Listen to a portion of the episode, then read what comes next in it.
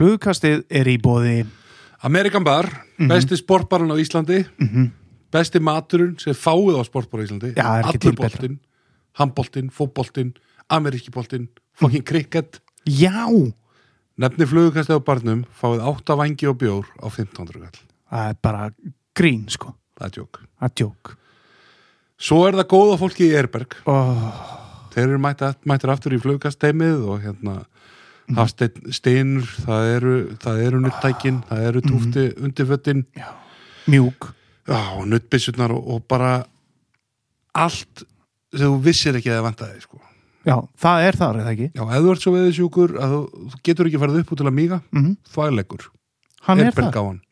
Erberg.is Já. Svo er það alltaf hérna okkar bestu.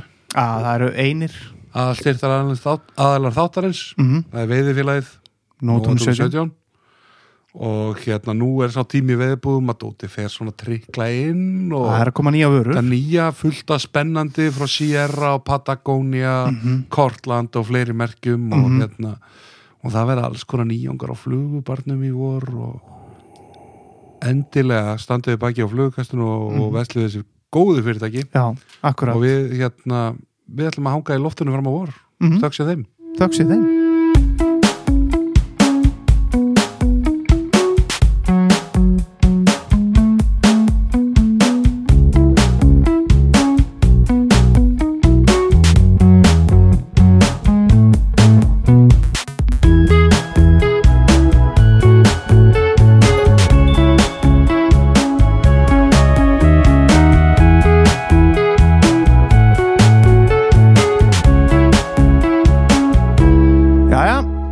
Akureyri, Sigþór? Já, við erum ennþá hérna á Akureyri og, og við erum konur hérna í glæsilega veiði verslun. Heldur betur, það var hérna maður sem að gera okkur kleift að taka hérna upp og Já, hann Siggi tók hérna á mót okkur og, og við erum mættir sérst í veiðuríkið hérna Já. á Óseirargötu við erum búin að labba hérna um og þetta er glæsileg veslun, Sigþór. Já, bara ef að menn eru á Akureyri eða eiga leið hérna um, það er nú margir mann oft lendi því að þurfa að taumi eða eitthvað þegar maður er á leiðin eitthvað austur sko. Flugubarinn er flottur og Já, já, þetta er bara til fyrirmyndar hérna. Og hérna, við erum þeim þakkláttir fyrir að gefa klikt að vera hérna. Og svo er það náttúrulega þessi snillíkar sem að styrta okkur í því að koma hérna norður, það er Avis bílalega og, Já. og, hérna Elli hjá veðitorg.is takk kærlega aftur og Já, við erum þakkláttir já, og við erum heldur betur gónu með góðan gest. Já, vá, herru, loksins kemur aftur einhver sem var í Rokki Reykjavík. Það er búið að vera, þú veist, það er búið að vera svo langt síðan að koma einhver úr Rokki Reykjavík. Þetta byrjaði með ansið þungri slagsíðu á því sko. Já. það var hann akkur gestur og var í Rokki Reykjavík. Það er, eitthvað, það er eitthvað þarna. Já, já. það er listfengi í, í, í veðinni og þetta. En hérna Pálmi Gunnarsson, velkomin í þáttinn. Og Takk, fyrir að að gefa þér tíma hérna. Já, minnsta mál maður. Já, já En hvað, hefur ekki bara að vinda okkur í þetta? Það er bara, hvernig byrjar þetta? Hvar mannst eftir þér fyrst og Við, verða eh, geggjaður í veiði? ég, Það var náttúrulega bara bryggju pólinn sko Já. Já. já, á, á? Vopnafirði Við byrjuðum bara mjög snemma að veiða á bryggjunni og einlega fyrstu minningarnar eru það sko Þorskur og, og það sem var að synda meðfram og, hérna, og dett í sjóin og allur þessi pakki og, Já, og síðan náttúrulega skömmu eh, síðar að þá fóð maður að fara með köllunum í fyrirdrátt á sílung og þannig að veist að þetta- það snýrist alltaf veiði þarna Já.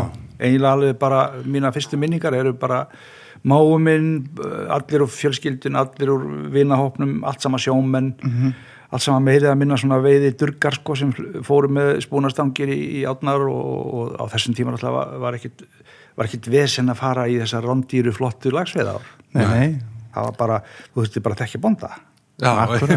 þannig að það var bara bankað upp á kannski hendi hann nokkrum ísum já, og, já, já, já.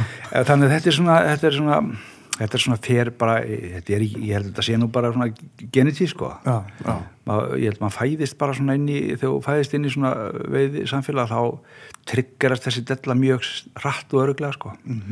Og verður bara mjög massív og, og, og ákveðin sko. Já, og síðan tók við bara fyrst, veiðar með eh, eignast spúnastöng einhvern tíma bróði minn eh, sem bjó í Vestmanniðin sendi mér svona einhverja Abu Garcia stöng og, og, og spinner og, og ég fór þá fór ég eldast við sjóbyrtingin í Vestarslóninu og eigða þar sumarnóttum og, hérna, og þannig að þetta var bara já, Stan, stanslöst já, æðislegt. Hvar hérna hvar kemur svo flugveginn inn í þetta? Ég, maður tengið því svo rosalega við, við það sko. Já, sko ég fekk nóg af, af, af þessu reyndar þessari veiði, það er að segja veiða með spún og maðk og svona það, það, það dettur út hjá mér svona því ég er kannski já bara því fyrir gagfræðaskóla það, þar kemur þetta tímabil það sem að uh, þessi 13. áhugi minkar og áhugin fyrir einhver öðru tekur við sko, bæði var ég að þá að, að feta mér fyrstu spórs í tónlist og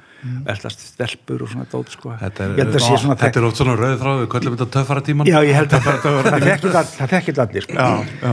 Ég meina, ég, og, og, og, og síðan þegar ég flytt suður sko, ég er svona eitthvað að gaufa á, á hotnafyrir þá fór ég með strákonum í, í, í sjóbyrtinsveðar og um, vorum að veiða með hrognum og beitu og það einhvern veginn fannst mér aldrei neitt sérstaklega skemmtilegt þó mér finnst alltaf óa gaman að fá sko bendinu rót sko, það sjást enginn að og Alltaf allt gaman að fá Já, fisk. en þetta Já. var samt sem var eitthvað tímabil sem ég var bænlega og síðan því ég flytt suður þá fer ég í svona nokkra túra svona uh, magnveiði túra með það sem við vorum að uh, sulla með allan anskotan sko. ég, ég fann mig aldrei að það nei, og ég var einlega 22 ára gammal þá er ég alltaf komin á það staði ég var sem alltaf þetta sé ekki bara búið? Já, uh, nema bara að maður skjóti svona kannski á og til. Þá einlega uh, var mér bjarga sko. Mér var bjargað af manni sem að hérna sko drómi á, á kast uh, námskeinir í löðarsöld já, Þóri Nílsen. Sá Já. kalla hann sagði bara neini þú voru, þú ekki, ekki hætta sko ég, og svo sínda mér einhverja fíberglastöng og hann var náttúrulega í músíkin á fullu. Já, já, já, já. og ég, ég rauninni sko kynni hitt hann í gegnum það sko.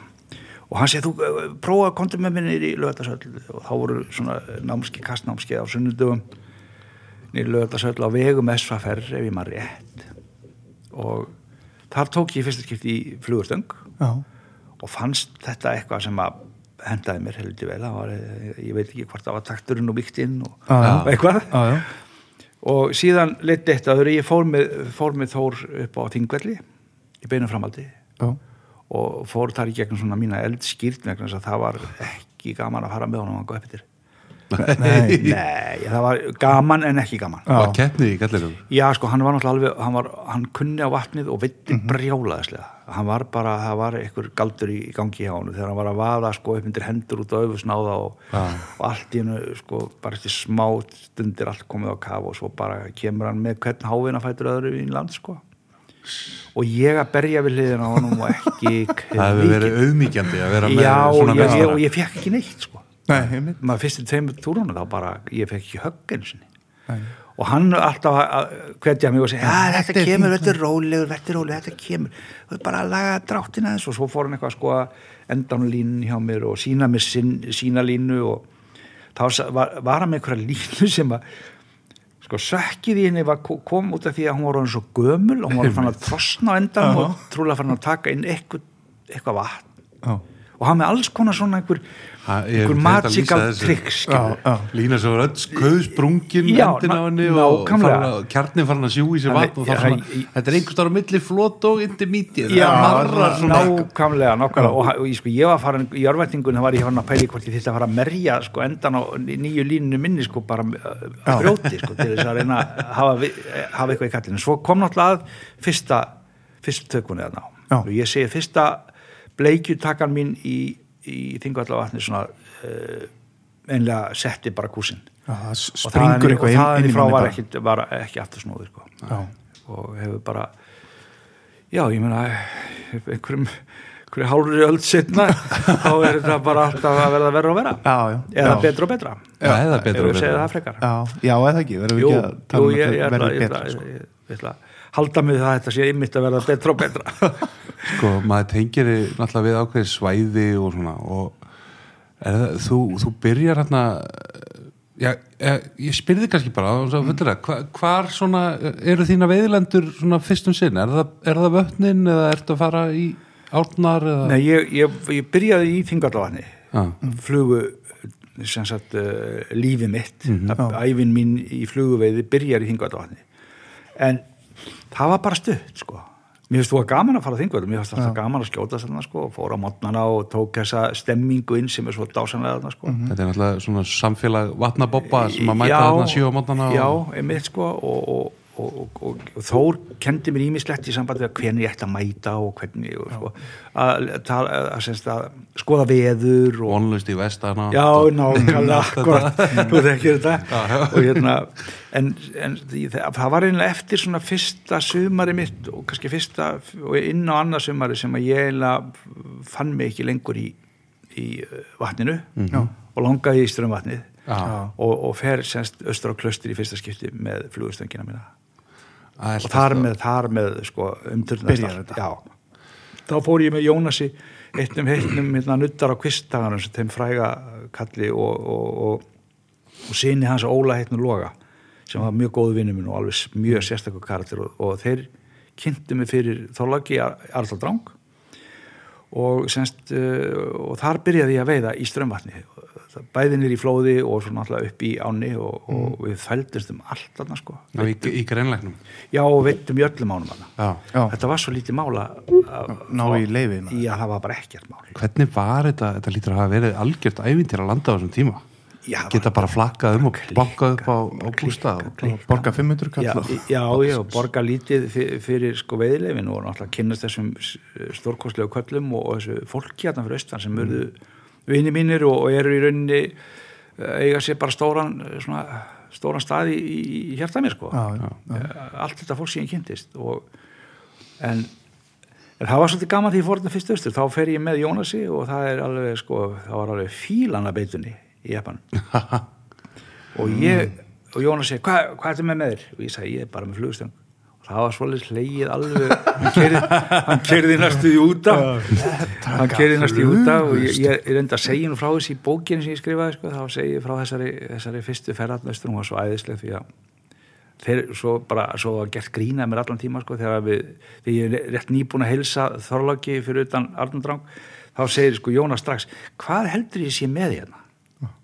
ég, ég veit ekki sagði kallinn ég er hérna með eitthvað förðurlegasta bara einstakling sem ég kynst hann er að koma að veiða í greinleik og hann er bara með flugustum og þeir hlóu og hlóu og hlóu og þetta var gert svo mikið einhvern veginn úr þessu. En þeir hlóu nú bara halva ferðina sko. Sál, Sálar besti síðastlega Já, og það var alveg farið að rífa fram einhverja gamlar flugustangir og þriðardegi og, og fara að kíkja honi í hérna strömmfluguboksin sem ég hafði, já ég var ekki, ekki með mikið að fluga með mér en eitthvað var ég með að strömmflugum og það var allt drifið að mér en þarna byrjaði sem sagt þarna byrjaði þetta af alvöru sko. Já. Og ég, ég veiði ekkit mikið í vatnum og hef ekki gert, aldrei gert síðan. Já, skrepp einstakar sinni var ná mér í matinn. Já. skemmtilegt. Fyrir út í Vestmassa, fínt að eh, ná sér í svona 10-20 öryða þar Já, að setja á grill. Akkurat en ég er ekki mikill vatna við maður Og ertu, ertu svona oft þegar maður tala við menn sem hafa yfirgefa vatnaðina þá það þarf að vera alveg helst blankalokk til mann en að kasta í, í stöðu sko. Já, ég hef gaman að veiða, jú, ég skal viðkjanna það. Eftir ég fór að veiða svona mikið með þurrflugu þá er, mm, þá er meira áhugavert að fara í vatnið. Af því að, að við vissar aðstæður þá náttúrulega verður allt vittlust í bíðuborinn á, á, á vatnanum og þú getur verið að fá býstna flotta fiska á, á, á þurrfluguna já, ég man eftir hérna já bara svona um það leitt sem ég er að fermast þá koma þættir með þér hérna með flug í höfðinu. Já, og þar er þú, það er Siggi Páls Já, málari, já, já, það er já. Stefán Jón, Já. Hafstein eh, Jensen. Já, já, já, já. og þið takið svona hvað var að segja, sjóbrytings medley þátt þarna já, já. það sem þið eruð í Vassá, þið eruð í Brúar á Lagsá Gerilans á Gilans tungufljóti, Tungufljóti. með sko með hérna, einmitt þess að orða það amerískar lagsaþurflugur já, þetta er alveg stórkostlega myndir og já, já, það var, það var ofsalega gaman þegar að það var, það var, í, það var í brúar og, og, og lagsa já, einmitt, já, einmitt. Já. það var ótrúlega skemmtileg tilraun sko, þegar að við vorum búin að vera að hamast þetta sko, og, og, brjálu, djöfus veðri já, og, og kallið maður Siggi var, var svolítið svona eitthvað svektur, við vorum búin að fá einn eða tvo sjóvirtinga þá, þá segja ég, en hvað með að bara prófa þetta og tók þess að þennan bomber já. þessa típu sem ég var með þarna og og þe- við gleymum aldrei þessari tökur sko. og þeim sem að komu síðan í tugatalið þar á eftir þetta var, þetta er alveg ótrúlega crazy Já, já. og í skóluðu vatni og, og, Já. Og, og, og sko það var, ein, það var ekki verið nýtt að hika við það sko. Nei, þetta voru ofsafengla tökur á köflum sko. Þetta var alveg geggjaða myndir ég, maður Já, trúði þess ekki sko. Nei. en hefur þú prófað þetta? já, já, já, ég hef prófað þetta. Og virkar þetta ekki? Þetta virkar nákvæmlega. menn eru svolítið vantrúaðir á þetta sko. Já, já, en þetta er bara spurningum að prófa. Og svo náttúrulega þessi flotta sena sem að Jensen tók þetta fyrir niðan breyðufórina já, já, sem að mér fannst nú reyndar alveg ofsalega skemmtileg eh, skemmtilegt moment því að því að Friðþjófur myndatökum maður sem er nú þekktu fyrir það að elda golfkúlu sko, hann er búin að vera svona einn aðal golfkúlu myndatökum maðurinn Já. hjá Rúf í langa tíma og það þýði það, þú veist að það hann, hann er mjög nákvæmur í að fylgja. Mhm. og hann stóð upp á háabakkanum fyrir ofan breiðufóruna og þetta var rosalega nákvæmis vinna hjá hann að vera með close-up á þurrflugunni hjá Jensen en það var gaman að sjá það var líka svo koma, margir þeir kom, þú sérð þá ekki, þú heldur og myndir sjá það vatnið er tært og þetta. Þeir eru að koma upp og skoða. Lifta sér bara að kíkja þess á hann og svo bara slaka sér aftur niður. Og veiðmaðurinn verður ekkit varfið neitt endilega sko. nei, nei, nei, nei. þetta var alveg geggja það var rosa gaman að þessu. Og þetta síndi mér náttúrulega þessi þessi, allar þessar tilunni síndi mér fram á það að maður er sko þetta er raunni gerða verkum að ég fór að færa mig ofar í vatnið og endanum náttúrulega fyrir nokkur tugum mánu síðan þá hætti ég alfærð að nota sökkanda og sökklínur almennt. Já, já, já. ég er því hérna svo sérvitur hvað það snertir. við erum með kannski, við erum kannski vissulega að hoppa aðeins hérna, fram og tilbaka í tíma en Já, það ger ekki til. ég man eins og hérna Hilmar Hansson sagði, sagði aðeins frá því en, en hérna hvernig þú endar eins og í, myndinu Home for Salmon því að Peter Power Já. þá ert þú svona skrítin sér, hérna, sérvitringur með hitsflugur í þessum köldu stóru rústensku ám. Já, já. jú, jú. Og einhendu. Það, var mjög, gaman að koma það góð og hérna og já, sko, Rússland var náttúrulega eitt af þessum skrýtnu upp á komum í mínu veiðimann lífi það er að, enda þar einhvern veginn sko. Ég, það var náttúrulega fyrir tilviljun. Ég var að skrifa einhverja pistla fyrir viðskiptablaðið og, og svo var ég eitthvað að flakka um netið og kíkja á hvað var ég verið að gera í þessum vendarmálum og svona og rekst á rekst á þessa síðu frá Rússlandi já. og sendi mail á Péturkallin sem að raka dotta og spurði hvort það væri í lægi að ég fengi að nýta mér eitthvað upplýsingar af síðunni Mhm.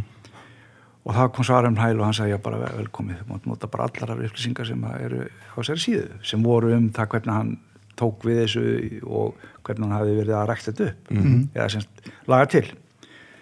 Svo daginn eftir ringi síminn og þá er kallin í símanum að spyrja, hefði vilt ekki bara frekka koma hinga neyri til að sjá þetta sjálfur? Já, og þar með byrjaði það ævintýri. Ég náttúrulega sagði ekki nei. Nei. nei. og end, var semst komin tveim mánuðu setna þá var ég á leiðin niður til, til Múrmansk í gegnum uh, Svíþjóð. Mm. og, og síðan flög ég frá Múrmansk niður, niður og veitti bæði í Rindu og Karlofku og Litsu og, og Solotóju og að því að tala um þessa flugu sko þá já, þá var svolítið leiði sko, meina, fyrsti gætin minn alltaf rússi, heldur flotti stráku sem hann enda fórst í, í þyrluslýsi fyrir nokkrum ára síðan. Já, í, í, ég, man þetta því slýsi Sasja vinn minn, hann horfði í bóksimitt og sagði, allar að fara að veiða þetta? Og ertu ekki með eitthvað annað með þér? Nei, ég er bara með þetta. Þá var ég með uh, ein, ein krækju frá Jensen fyrir Já. hitsið og svo var ég með helviti gott bóks með, með þurflugum mm. og ég, ég sagði, ég ætla bara ég ætla bara, ég ætla bara halda með þetta og hann var alveg mjög ánægð með það sko Ok. Ekkert vesen. og svo bara sannaðist að þessari ferð að ég var, á, ég var bara ágætla, settur sko Já. því ég veitti alveg verið þessu vittlus á þetta uppi og, og þessar stóru fiska var að taka fullt af stórum fiskum á, á, á, á, á bara pínu litlar hitsflugur sko. Já, og ég er búin að fara rosa oft, rosalega oft síðan að það til og, og veið alltaf með sama hætti alltaf með hitsi bara já, aldrei niður, aldrei sko bara allt uppi. Já. þetta er við myndum svo Hilmar hans og líst þessu þetta er, þetta er svo miklar ár og það er eitthvað þegar menn prófa þetta tógar já, þetta er alltaf stórkostlegar ár. Já, alveg, en endur ekki alla miklar því að þetta eru tvö veiðihús sem ég er búin að heimsækja og öðrum megin er sagt er Karlofka og Litsa sem eru svona frekar vasmiklar, svo kemur Rinda sem er svona kannski í áttin að, að kannski um, Lagsávja Aldal aðeins minni jafnvel. Mm. og sí- svo er henni fylgir pínlítil ár sem er ekki mikið stærri heldur en elli átna sem heitir, heitir Solotója mm. og sem löslega þýtt e, e, gullnáin. Já, ok. Og þar, þar bara ertu bara með einhendu og, og kastar bara stutt og litli staðir margir hverjir og, og risa fiskar fyrsti fiskurinn sem ég fekk og svolítið var 30 pund. Nei, á hits og ég get sagt eitthvað það að ég, ég held ég hafi aldrei orðið jafn hiss um æfina, bara ég get svarið það. Því að ég átti að dauða mínum átti von en ekki því að sko í, í öðru reynsli yfir ákveðnst að þá skildi þessi svaðalegi gokkur koma upp og taka eh, sko hitsflugu í þessari spræn. Bara eins og bara. já, það þetta voru bara að fara að safna maður. Já, heldur betur maður. Þetta, það var ekki leiðilegt og ég, en, en kannski nummer svo kannski ef við höldum okkur Rússland í smástund þá kannski það sem ég læriði mest að ég fara til er það hvernig hvernig má taka við vonlausir stöð og breyta henni til batnaðar. Og það sem hann alltaf Pítur gerði þarna líka er, að, er svolítið að innlega þetta að láta þetta bara í friði. Já, já, já það var ekkert verið að skjóta seli Nei, eða nei, nei, nei, nei. skarfa nei, eða, nei, nei, nei, ekki skjóta neitt. Það var ekkert skotið bannað. nema veiði þjór Já, nema, já, nema þeir. en sko, hann, nei, hann tók reynda við því hann var nú svo flott kallið, hann tók það náttúrulega alveg í, í landhelgi hvað eftir hana mm. og frægasti veiði þjóðurinn alltaf sem er reynda láti núna hann, hann dröslaði honunni til Múrmaski í tvíða þrýgang fyrir saman dómara Já. og gæði var bara með hérna síkartun og sagði fuck you bara, bara ég er bara, þú veist, ég er að ég þarf að, þarf að klæða bönni mín sko þetta er fólk sem er Já. að fyrirgefðu. þreja þorran Já, ég, meina, ég, ég þarf að ná í hrognin úr stóru hrygnunum því að ég get látið selta sem kavjar mm Mhm. hrogn og, og hérna og ég þarf bara, bönni mín þurfa mat og svona Já. og þegar hann var búin að fara með þetta neyri til í tvöður skipti þá gafst hann upp og fekk þessa briljant hugmynd hann réði bara alltaf við þjóðana sem sko leðsjóðumenn Já. og réði sko yfir þjófinn hróa hött sjálfan hann réði hann sem yfir mann leðsjóðumannna Já. á alveg sko super kaupi gæðin hafði aldrei nokk tíma séð Svona peninga bara. önnvegislaun þar með að Já. Já.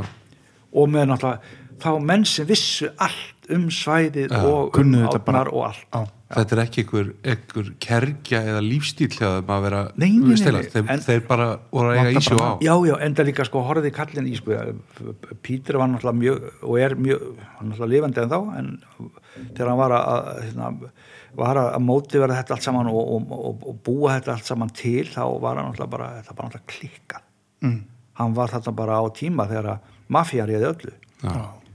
Og uh, bara byssu menna að keira eftir þeim bara nýri í Múrmask ég veit ekki hvort að þú var heyrt þáttir okkar með hann Átna Baldurssoni ég mæl við að þú hlustir allavega á Já, hann. ég er búin hann er einmitt hann að það er vafasumum aðstæðum í Rúslandi Já, sko. Já. Já, sko, Pétur sagði mér að sjálfur í viðtali sem ég tók við hann og, og ég byrti reyndar í fjórun hlutum í viðskiptablaðinu. Hann sagði mér að, að þegar að þegar að sko þeir voru að þeir voru, voru, voru búin að kaupa eh, kampana Mm. og sem voru í algjörum ólestri. Og hann byrjaði allir með að það- ég held að hann hafi talað um að það hafi verið um 6 tonn af drasli sem að flutti með þryllum frá báðum kampanum Já. bara bara, við hafði bara fyllt þessum veiðimönnum sem þarna voru búin að vera í einhver tíu ár. Bara niðursöðudósir og bara drasl, og bjórdósir og, og drasl út um allt. En hann sagði sko mafían kom strax inn í pakkan og hann réði sér strax uh, hérna samstarfsmann sem er reyndar ennþá að vinna þetta niður frá og stjórnarskristofann upp í Múrmask og, og hann sagði mér að símtali sem var sko óhugurasta símtali sem ég fengi var sko, þá var hann nýr í reyndakampinum og, og fekk talstöðar uppring og, og þá var það vinnun hans í hinu símanum upp á skrifstofunni í Múrmask og segir, heyrðu, Pétur það er hérna byssulaup hérna í enn á mér. Já. já eru menn sem að tala um eitthvað 25-30% Já. af innkomu hagnaði eða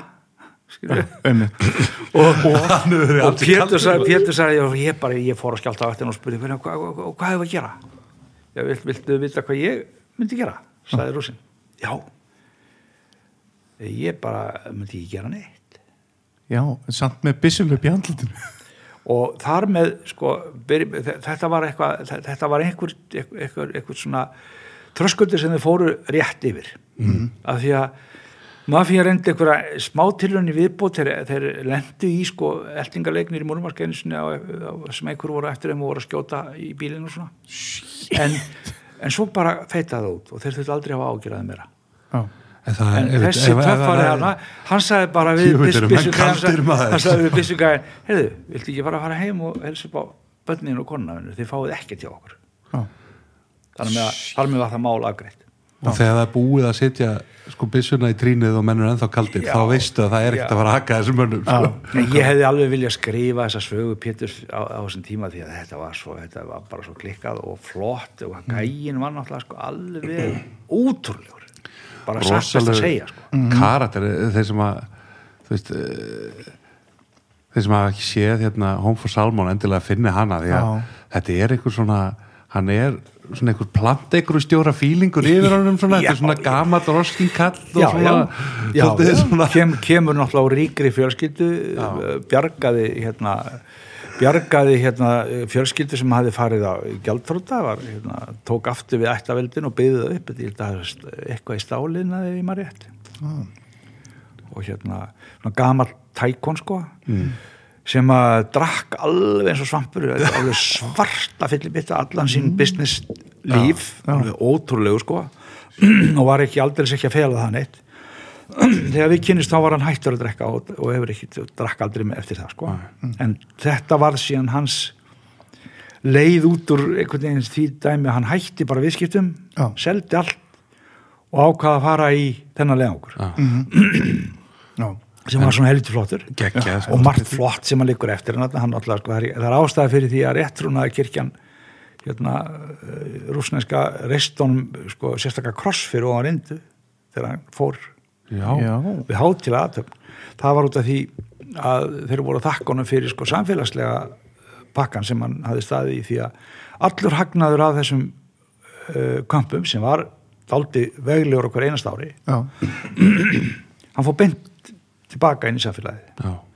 hann var engungum með rúsa í vinnu hjá sér fyrir utan einn eitt breyta já, sem er búin að vera uh, og er ennþá, ennþá já. hana, já.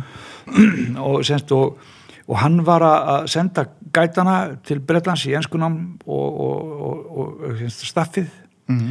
og svo náttúrulega var hann náttúrulega frekt þegar hann flutti sko, það var, það var viðlóðandi einhver hjartveik í börnum í Múrumask Já. hann flutti heilu sko flugfarmana af þeim til Bretlands í aðgerðir já. Vá. og hann var ekkert að flagga þessu neitt Nei. ég bara Nei. dróð þetta út úr hann eða reyndar dróð þetta út úr sko sínans Já. Já. Hann, hann var ekkert að banta sig þessu. Nei. fast, maður þetta fannst hann bara sjálfsagt. og ég man alltaf, og ég man alltaf eftir því ég, því ég flög með honum í síðasta skipti. Það var árið sem hann seldi. Þá flög ég með honum í síðasta skipti og, og, og, og hérna enga flugmannum, hans. Þá flugum við í gömlu þyrlunni og það var í síðasta skipti sem þær voru notar og þeir sáttu fram í báðu klukkandur opnir og það stóð alveg sko síkartureikurinn sínum hvorum meginn og sávalla í þá og voru að spjalla mikið og ég satt alltaf bara aftur í eins og kongur í ríki mínu Já. og svo einhvers þar að miðrileið þá sá ég að, að, að kom svona stort stort fallegt umslag upp sem hann flutti yfir til Já.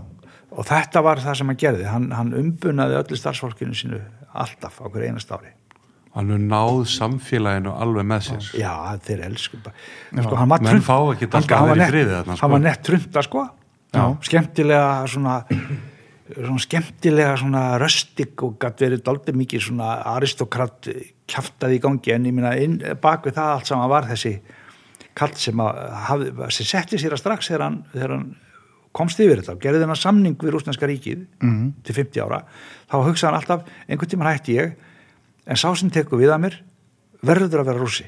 Já. já. Þetta, ég ætla að skilja svo aftur til rúsnesku þjóðar og þetta, var, þetta er fallið hugsun Mhm. enda líka að leita hann daldin tíma og þá til hann fann Ríbaltsenko og hans fjörskildur sem að kefti þetta á hann svo á endanum. og ekki allt gengi, gengi smurt þar eins og er nú farið yfir en Nei, en, en þau halda uh, áfram þessari hugssjón kallsins Já. og alveg og hafa freka bætt í ef eitthvað er hefur þú veitt þarna með á urða svona nei, en það er eftir bara. Já, það er einmitt í, í Home for Salmon þá er, kemur kallin inn á það. Bara hvað sé gaman að geta bóðið mönnum upp á ekki eins dýraveiði en já, já, þarna eru menn á tundrunni í tjöldum. Já, já, algjörlega jætnir lifandi af sko, einhverjum stera moskító Já, sko, já, já. en urriðarnir guð með góður sko. já, alveg, alveg skuggalegir fiskar sko. já, og, og, náttúrulega- og þurrflugu tím, tíminni stuttur þarna Mhm. en það er alveg ofbóðslegt kattisflugu þarna sko. Já. það, það er eins og bara sko, svermandir er eins og, eins og við þekkjum úr mývarnu hérna sko. Já. og, og, og þessir þessir urriðar þeir fara á því líka beit sko. og, en eru líka djöfulli stóri sko. þetta er um að tala um 5-6 kíló að fiska sko. maður væri alveg til í að vera þarna en- en svona manni Manni, og þeir fara ekkert í grafgötu með það þarna í myndiri sko. Nei, nei. að þetta mý er ekki eitthvað til að hlægi yfir sko. Nei. þetta er ekki graf alvarlegt mál sko. ég, ég hef náttúrulega lent í því hann sko. Já. og bara, það var náttúrulega bara mín eigi vittlisa sko. ég, ég tók ekki tók ekki hérna sko maður, þú veist, gætið minn sem ég var með fyrst hann sagði bara ok, ég ætla bara að segja þig hvernig átt að haga þig hvað mínu, Já. bara svo lendir ekki í vesinni -hmm. og þar með fór ég bara svona í kjenslutin því Já.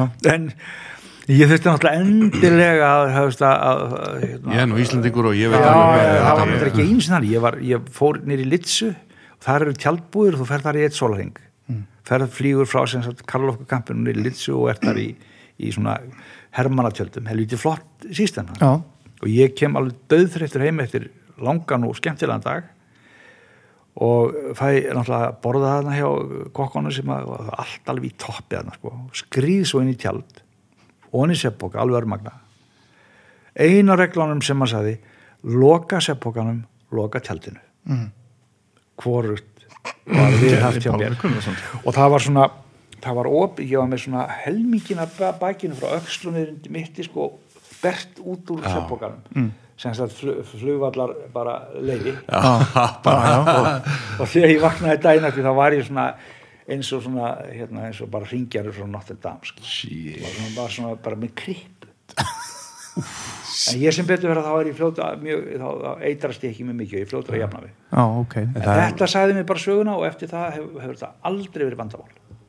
Eitt, eitt af því sem eitt af því sem að er hérna sögðu mig til dæmis líka þú nota sprey og svona dí og Já, dótaði, einmitt. spreyja þetta allan.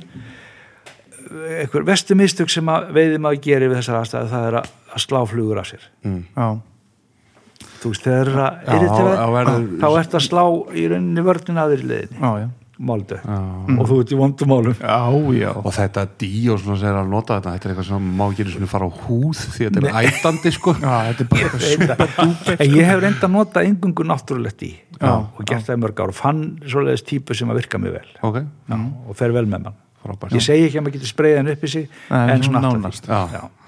Hérna, Anna, vístu að við erum búin að taka svona góða góða ferða á, á Rússlandi Já. ég tengi líka við svona, þú ert einn af þessum fyrstu sem byrja að tala um eins og bleikjuveðin í Grænlandi og fer að skipilegja ferðir þangað Já. ég, ég, hvernig, ég, já, hvernig dast hún í það? já, það var nú reyndar í gegnum bara vinskap við um, ákveðin aðeila hjá flugfélaginu og það, það var þegar að flugfélagi byrjaði að fljúa yfir mm -hmm. semst uh, reglubundið þá fannst þeim að það væri sniðut að að gera eitthvað. Já, og hérna en áður en það verður að veruleika þá, þá sótt ég þá, sko, það var búið að vera lengi í höstum að mér. Langar til að fara að nefnir og prófa. Ég var búin að heyra sögur. Ég þekkti Íslending sem bjóð í núk og, og annan upp í hérna annan upp í hérna Nassak. Og þeir voru búin að, búin að segja mér að það væri nóg að fiski og, og talandum stærðir og svona og ég sæki um styrk til samik um að fara og gera sjónvarsmynd mm. bara ákvað þetta alltaf leið og fæ einhver, einhver, einhver nokkra krónur og fer með og fæ að fljúa með flugfélaginu þetta helst allt í hendur einhvern veginn svona einhver svona, svona ferli fæ að fljúa með flugfélaginu frá, frá hérna Reykjavík yfir til Kúlusúk og þaðan yfir til Sýriströmsfjara Já. Það var eitthvað kóramóti eitthvað djöðlin og við fengum bara að fara með, fluginu. Og hérna og við fórum þetta nokkri saman, ég og Maggi Eiríks og spilðum í leiðinni. Já, en á undan þessu hafði ég haft sambandið hérna, Manitsok uh, sem er hérna eitthvað, allir ekki þriðja eða fjórða stæðsti bærin í mm Grænlandi. Þegar ég hafði lesið mér aðeins til um átnar í kringum mannsók mannsók eru kallað Feneyjar Grænlands þetta er svona byggt á svona eigum heldur, heldur flott svæði. Og ég eh, í brjálaðiskastinu við að, skoða hvernig geti farið þessi, ég fór bara bynd í toppin ég fór í bæjarstjóran í Vansók hann sendi mig í menni eitthvað ferðamála ráð og ég fæ bara strax viðbröð, ekkert mál. Við skipilegi, görsverð, kontu Já. við tökum á mót ykkur þið fá frítt hótel við eh, hendumst með ykkur inn í Kangja og þar tekur eh, við erum með góðan leðsugumann sem fer með ykkur þanga og þar er, er svona þar er tjald sem við gist í og þeir getur fengið að skoða án á. Og það sem við viljum fá á móti er svona þegar þeir eru búin að þessu þá segir okkur hvað við þurftum helst að gera svona til þess að hvað mætti betur fara. Já. og allt í hennu eru konið þarna í þetta æmyndiri og þetta er þessi kangja sem er svona til dærulega tæra á og, já, bara og, klikk og hérna þetta, þeir eru með þetta Kristján Sjöberg held ég í dag á Solid þeir Adventure eru konið með, með þetta núna. Já. ég horfa ofta á þetta veiðihús og segi bara og, og segi ok, hverjum er þetta helvits veiðihús að þakka Já. það er akkurat það sem ég sagði við á eftir þessa ferð. Ég sagði ef það veri eitthvað sem þetta kannski að laga það veri gott að vera með eitthvað afdrepp og þeir byggðu þetta veiðhús bara árið eftir. Já. Já, þannig að, að ég svona, maður hafði, maður hafði þetta þessi ferð hafði einhver áhrif. En fyrst og síðast hafði náttúrulega áhrif á mig Já. og okkur sem fórum það Já. Við hefum aldrei lent í öðru eins sko. stórar bleikjur og risastóra bleikjur. Veiðar á, á þessum bleikjum á þurrflugum Jesus, ég bara trúði ekki. Það var eitthvað að fattleysi mitt var svo skrítið sko. ég hafði ekki lesið mig til um að á Grænlandi eru 13-14 típur af kattis vorfrá og það eru sko, það er, það er náttúrulega rosalegt moskitóða og ungviðið, bleikjungviðið lifir alveg opbáslega mikið á á þessu moskítólirfum og, og þannig að þar með allt var ég komið bara á fleiri, já, sétt maður. Og farin að veiða bara upp eins og vittlis maður þessar stóru bleikjur. Og hef búin að gera það náttúrulega síðan því ég fara þarna. Komist að því að þetta er, þetta er alveg himnaríki fyrir yfirbórsveiði Mhm. Himnaríki? Menn á einmitt verið með alls konar einhverja ágera vindsengur að veiða þarna. Jú, jú, jú. eitthvað Da, da, Danirnir og normennir þegar þeir, þegar þeir fóru að operita þannig þá fóru þeir að búa til svona skeitira sko, sko, ég man ekki hvað það kallir svona fómflugur Já. og það er, það er virka, ég meina bleikjan er brjálut Já. er, hún er árásagjörn og kolvittlus en þeir gleyma þessum þessum, þessum stórkostlegu mögulegu sem ferast því bara veiða hefðböndum með þurrflugu. Já. Það, ég, ég fór allar leið þanga sko. Já.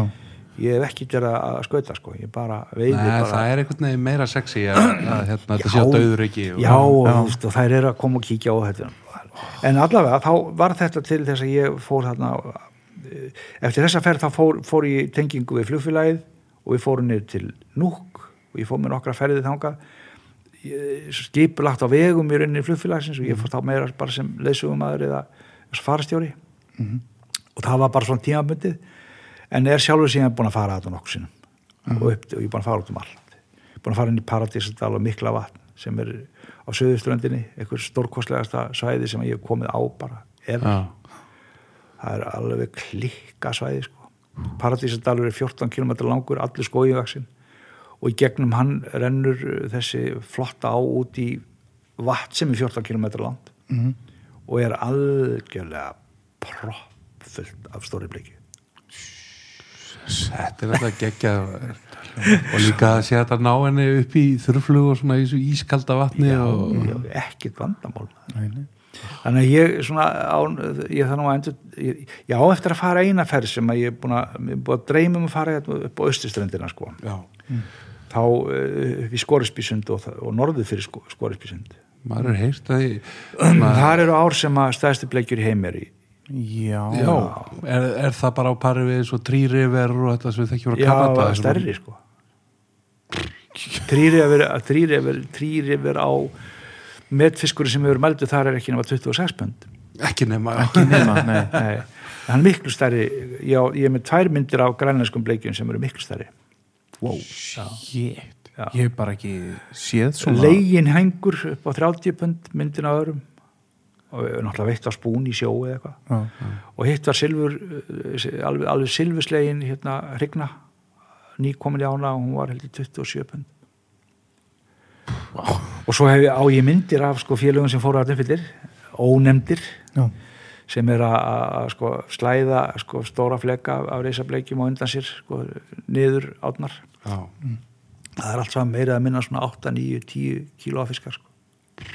Vá og þú ert komin í algjör eðimörkarna og það er komin í Ísbjarnaland og Revin Já. og lítill gróður kemstu þarna eitthvað nefnum bara með aðstóð danska hersins og, já, sko, já, jú, jú, það er, er flogið á hverjum einasta, ég held að sé bara þrísar í viku er flogið frá Akureyri og upp á punktinn sko. Já, og uh, síðan er þetta bara spurningum að koma sér þaðan með einhverjum hætti. Ekki, veg, er ekki vegur í nei, nei, nei, sko. það er þá spurningum einhverja þyrluflug eða jafnvel að fá fá til þess að fljúa eða- láta fljúa bara sér áfram á þinnóttundum, hann getur lent alls það sko. já, já, þetta er svona um stál, allt og... stálvél en ævintýri, Grænland er ævintýri og ég einlega, sko, ég, ég einlega fatt ekki hvað við erum eh, lítið duglega við að fara þangað þetta er svo, þetta er svo handtækt, þetta er svo stutt þetta er rauninni bara hinni með við flóan sko. já, Eða þú ekki á góðum degi sundið. þetta frá, frá Látrabergi Ná, sko. nákvæmlega sko. það er lengra náttúrulega að fara á söður og upp á vestuströndina sko, en Mhm. Þetta er samt ekki það langt í burtu og, og, og, og það er bara sko, sjálf landið og fólkið og umhverfið og, og náttúrulega þessi geðveika bleikjuveiði sko. og þetta er ekki það dýrt er það? Já, ekkert. Flugi að geta verið dýr eh, maður er að bóka með góðum fyrirvara og svona. já, Já, það er, það er svolítið olbói, sko, það er þessi, þessi flugpakki, sko. mann veit að einhvern tíma var Átni Baldursson að segja mér sko, þau eru náttúrulega með operation hann Já, að sko það er fullt af fólki sem vil koma en hérna það er líka bara veist, Grænland er heitt eins og Ísland global warming umræðan og allt Já, þetta já, já. það er bara svo lítið af flugum fólk kemst ekki, Já. það er uppselt í flugi bara uppselt. já, Og svo eh, á pælið því, sko, svo ég, síðast fór ég upp til Illulisat sem er sko Ísfjörðurinn lengstu frá. Og þá hugsaði mér, já, ok, nú ertu komin á stað sem, stað sem að kannski er lítið ám og svona. Ekki aldrei þessi. Nei. nei, balli byrjar alveg að fullir alvöru þarna frá. Diskoeigjan full af, af, af sko, hverri glæsi ánni á hættur annari svo ef þú ferð upp fyrir sko, diskoflóan lengra sko, upp úr og taka bara við bara dalir og dalir og dalir og dalir með hérna jökulám með bergvasám með uh, junctions og öllu þessu dóti. Og þetta er allt saman fullt af risa fiskum vegna þess að þarna er svo lítið sótt í þetta. Já. þetta eru bara heimamenn sem fara þarna í svona, í svona að ná sér í matinn. Þetta er bara eins og Ísland við landnám. Já, já. Glæsilegt. Heyrðu, ef við förum hérna aftur, það er sem alltaf þú komur svo víða við, Pálmi og hérna lagsin, maður maður hefur séð reyta eftir þið og maður hefur séð þessar myndir þegar að þú og Óskar Páll eruð í Hofsá og þetta. Og náttúrulega þú ert úr vopnaferði þegar þú hefur svona fengið þetta beint í æð og hvernig svona þín, þín eh, hvað maður að segja, upplifun á lagsveðinni hérna á Íslandi og, og hvar, hvar eru verið að leita fanga á svona? Ég, ég fekk það rétt hjá þér, ég fekk laxinn svolítið í æða á hafnafyrði því að ég ólst upp við bara umgengni við laxveiði kalla svolítið. Ég, ég, bara til dæmis að þá tók ég á móti laxi í fristirúsinu eitt sumar. Hafði þess fyrir haldinu lítill gutti að vera með fullóttum manni að taka á móti þegar á kvöldi þegar kallinu voru að koma og sela á hafsá. Þá var ekki náttúrulega enga fristikistur og ekki neitt og þeir fóru með aflan allan út í, út í fristirús og voru þar með, sett, fengur bara geimaðan þar. Þannig að þá fyrst var maður að sjá þessa stóru dólka sko alveg á, á sko færibandi rosaleg veiði á köflum sko. Og forvitnin alltaf fer bara já, fullt. já, já, já, Já, mikil ósköpmaður og svo fór maður að sjá breytana koma þarna tvítklætta á mm. landrófi jeppanum með stórar tíendur og, svona. E, sjálfur fór ég ekkert að veða lags fyrir eftir ég byrjaði að veða með flug. Það fyrsta, fyrsta lagsveðin mín er í rauninni í Hofsá um, árið eftir að ég byrjaði að vera með flug kemur fyrst í flugulagsin þar? Fyrstu flugu lagsarnir já, já, það var svona ég segi stu- stundum er það einhvern veginn að, hérna, örlegin hagaði þannig að þú svona, uh, þú fær svona, uh, svona fær lífið svolítið ekstrím í hausinn og það gerist hjá mér í mínu fyrsta lagsveði túr. Því að ég var með var með hérna konunni minni á Vopnafyrði hjá sýstu minni í bara heimsókn og, og það kemur uppringing til sýstu minnar. Þá var það Haraldur á áspannstöðin sem þá var veiðifélagsformaður og vissi að ég var í bænum og, og ringir í Kristbjörg og segir, viltu uh, koma til skýra til Pálma, hann getur farið inn í á í hálfan dag. Já. það er lust núna nýra á sæðis á næsta sæðinu og ég er einhvers stað bara nýra á bryggju og það er, uh, hún er ekki í mig fyrir einhvern tíðan tíu leitið. Og það er náttúrulega eins og manni mælt ég æði á stað, skellti græðanum í bílinn keiri eins og vittlis maður inn að, inn að Ho- Ho- Hofskirkju og niður sæðið og vissi ekki neitt. Nei. Þetta var mér algjörlega hulið. Ég þekkti sílungasæðið en laxasæðið ekki neitt. Og var ekki með kort var ekki með neitt, þannig ég hugsaði mér ok, ég verð bara ég verð bara nota þessa þrjá klukkutíma sem ég ættir eða tvo og hálfan bara til þess að prófa einhverja staði sem ég þykir líklegir. Já. og eftir að heikja þá fór, ég byrjaði að fara í krókana sem eru þekktir og svo beigina fyrir neðan neðri krókin og svo kom ég að langa kvamsil sem að eh, er ennþá einn af flottustu veðistöðunum í ánum segi ég Já. þó að sé ekki, döndilega alltaf mjög hérna, það er ekki mikið af fiski sem kemur upp á rónum en, en ef þú ert að lendi í þessi ég lendi hérna, þá gera, gerast það einmitt til því að ég keirði upp á svona, á svona, uh, svona hæð yfir hilnum, sem hún sérði yfir þessa löngu lænu og þá sé ég bara að það er að kríu ger yfir honum neðst og það er stökkvandi fiskur út um allan streng Já. já alveg þá lendi ég bara, ég, sko, ég bara, bara poppa byndin í risa gungu Já, og ég er náttúrulega bara að fríka út maður geti út með, með stöngina maður. Og ég man eftir að ég átti enga laxaflugur ég var með hérna held ég gott ég var ekki bara með eitthvað frá kolbeinni svona strömmflug og eða já, eitthvað. svo leiðist stótt sko. Og niður eftir og kasta bara út í ég segi út í haugin sko. Já, Já. Og það er fi- fiskur á alveg bara um leiðu hún datt. Og það er bara fiskur eftir fisk. Og Hafþór eh, skólabróðið minn og æskufélagi og veiðifélagi gegnum árin hann kemur þetta inn eftir. Kristbjörg leta hann vita að ég væri njá hún hitta eitthvað á hann og hann keirir þessu vitlega sinn til þess að hitta félagan og kannski fá að taka í hans. Já. og hann kemur alltaf einhvern tíðan um upp úr tólf keirir upp á brúnna og kemur svo labbandi til mig og segir, ertu brjálað maður? Og ég alveg sko, bara blóðugur til ögnuna sko, hvað áttu við, veist ekki að það er kvóti áni nei. 14 laxar á, á dag. Shit. 14 laxar á dag. Og þá var ég búinn að landa 29 laxar Já. og 8 bleikjum. Upp úr þessum eina hil. bara upp úr langkansil og svo tók Hafþór við og það er nákvæmlega saman gerð ég held að hann hafi, hann, ég var hann svo uppgefin. Svo náttúrulega laumaði maður þessu sko, skömmustulega í plast og bara í skottið og, ég sagði nú köllunum þetta í Hofsvæki frá þessu fyrir lungu setna mér var fyrirgefið þetta sérst ofinbellega Þetta er fyrnt já það var fint að bara reynilega vittneskja var ekki til staðar og svo náttúrulega var ég bara svo klikkað sko. það var svo að lendi svona ástandi. Já. er svo geðvegt Það rennur á þig æði. Þetta er, svo, já þetta er þetta, Næsti, þetta- næsti, næsti. Já, vá, ég, ég, mér langar ekki til að lendi svona aftur, aldrei.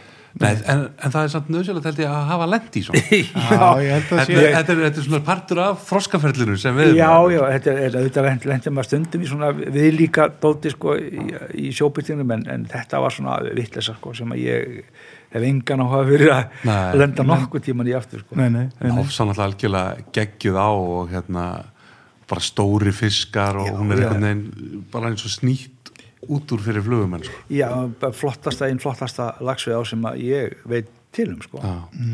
Ég gæta þetta nokkuð mörg ár sko og, og að því vorum að tala um svona mikla veiði sko, ég meina það var þegar árið sem að þeir toppuðu sér Amerikanandi síðan með þá kom á viku upp tæplega 600 laxar sko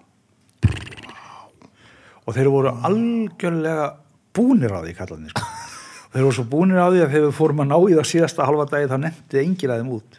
Nei, bara það þetta var bara búin að nóg þreyttir upphandlisveðarnir sárir og bakið umt og búið að eldast við laxa út um alla trissur. Og það var, ég man alltaf þetta þetta var mikil veslumorgun hjá okkur eh, gætanu því að þeir sögðu bara, við nennum ekki út fariði bara veða, Já. Já. draumurinn. Draumurinn. Já. og það var draumur. Já. Einmitt Téður Hafþór, hann mætti til mín. Ég ringdi hann og sagði, komdu, ég er með stöng hérna hálfan dag. Og við fórum og veitum byntirinn að veiðihúsið niðri og, og lendum í ævintýri í svo kvöldinu Svings Mm. sem er langur og fallegur strengur og hann var svona fullur af nýgöngu fiski þetta voru ótrúleg ár þarna. Hvað, þú veist, bara 70s, 80s já, já, já, já. og bara langt fram á 90s Já, var já, náttúrulega 1200 til 2700 laxar. Já. að jafnaði. Og þarna voru allir hús hú Kalli, Kalli já, já, þeir eru reyndar á undan sko, en þarna er á þessum tíma þá er reyndar breytin með ánálegu Mm. og Amerikana voru mikið fattar að koma inn í veiðina þarna, ameríski veiðmenn Hvenær- ég semst var með svoleiðis gengi í einhver sex ár gætaði uh, forstjóra Johnson Johnson í bandaríkjörnum og, Já, og ég hef nú gert það líka. Ekki sami maður en, en skemmtilega til Ah, Já, já, en svo er annað Pálmi sem ég langar að spyrja það út í og sem er eitthvað sem að, kannski hefur ekkert farið hátt. Þú er nú reynd að skrifa um þetta og annað.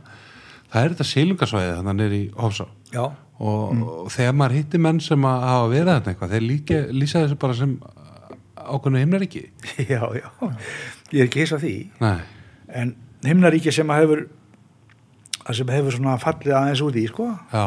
Nokkur, nokkur fallnir yngnar Já, það er að segja, eh, það er nú aðalega bara þá umhverfislega séð, það er búið að fara hefur ekki verið farið allt og vel með þetta.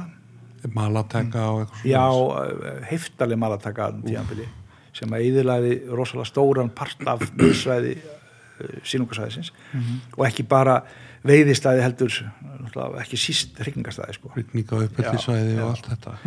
En uh, góðu tíndi kannski eru þau að þú veist, ég er að vonast til þess að núna í sumar verði farið í að skoða að færa það í fyrir horf. Já, það er náttúrulega komin hérna aðsóps mikill legutaki já og menn sem eru kannski, já, sem eru kannski með pínlítið meiri skilninga á því að það, þetta þurfum við að verm, hérna, venda og, og fara með í varfiðslu eins og laxasvæðið. Já, það hefur aldrei verið pínlítið svolítið svoleið sko hugsun að veist, sílungurinn Já. já, já, já, já. skiptir ekki máli. nei, skiptir ekki máli, við þurfum ekki að hafa miklu Það er eitthvað tekjur, já, þá skiptir þetta ekki máli. en, en það er svona önnur hugsun núna, finnst mér. Og, en auðvitað sílungarsæði Hofsar er náttúrulega bara á köplum algjörlega fenum allt sko. Mjög töff. Já, mjög töff. Og þú þarft að læra það og þú þarft að tengjast í þú þarft að komast í almennilega tengingu, þú þarft að taka sjálfaði niður pínlítið til þess að veiða þarna. Já. Ok. það þýðir ekkit að ætlast til. Þú færði ekkert það er ekki upp í Nei, þarna er það alveg sko alveg það er, það er, það eru kaupin á erinni ef þú ferð að veiða í Hofsá þá er ekkert garanterað. Nei. nei. Og þetta er náttúrulega líka er þetta ekki svolítið fallaveiði líka og svona? Neðri hluti náttúrulega stórkostlegt svæði ósinn og alveg upp, fyrir þjóðvegsbrú sem er ábyggilega einhverjir 2-3 kilometrar eitt stórt stórkostlegt fallaveiði svæði já, og ósinn er eitthvað svo fallegasti sem, sem við augum lítur Já. sko.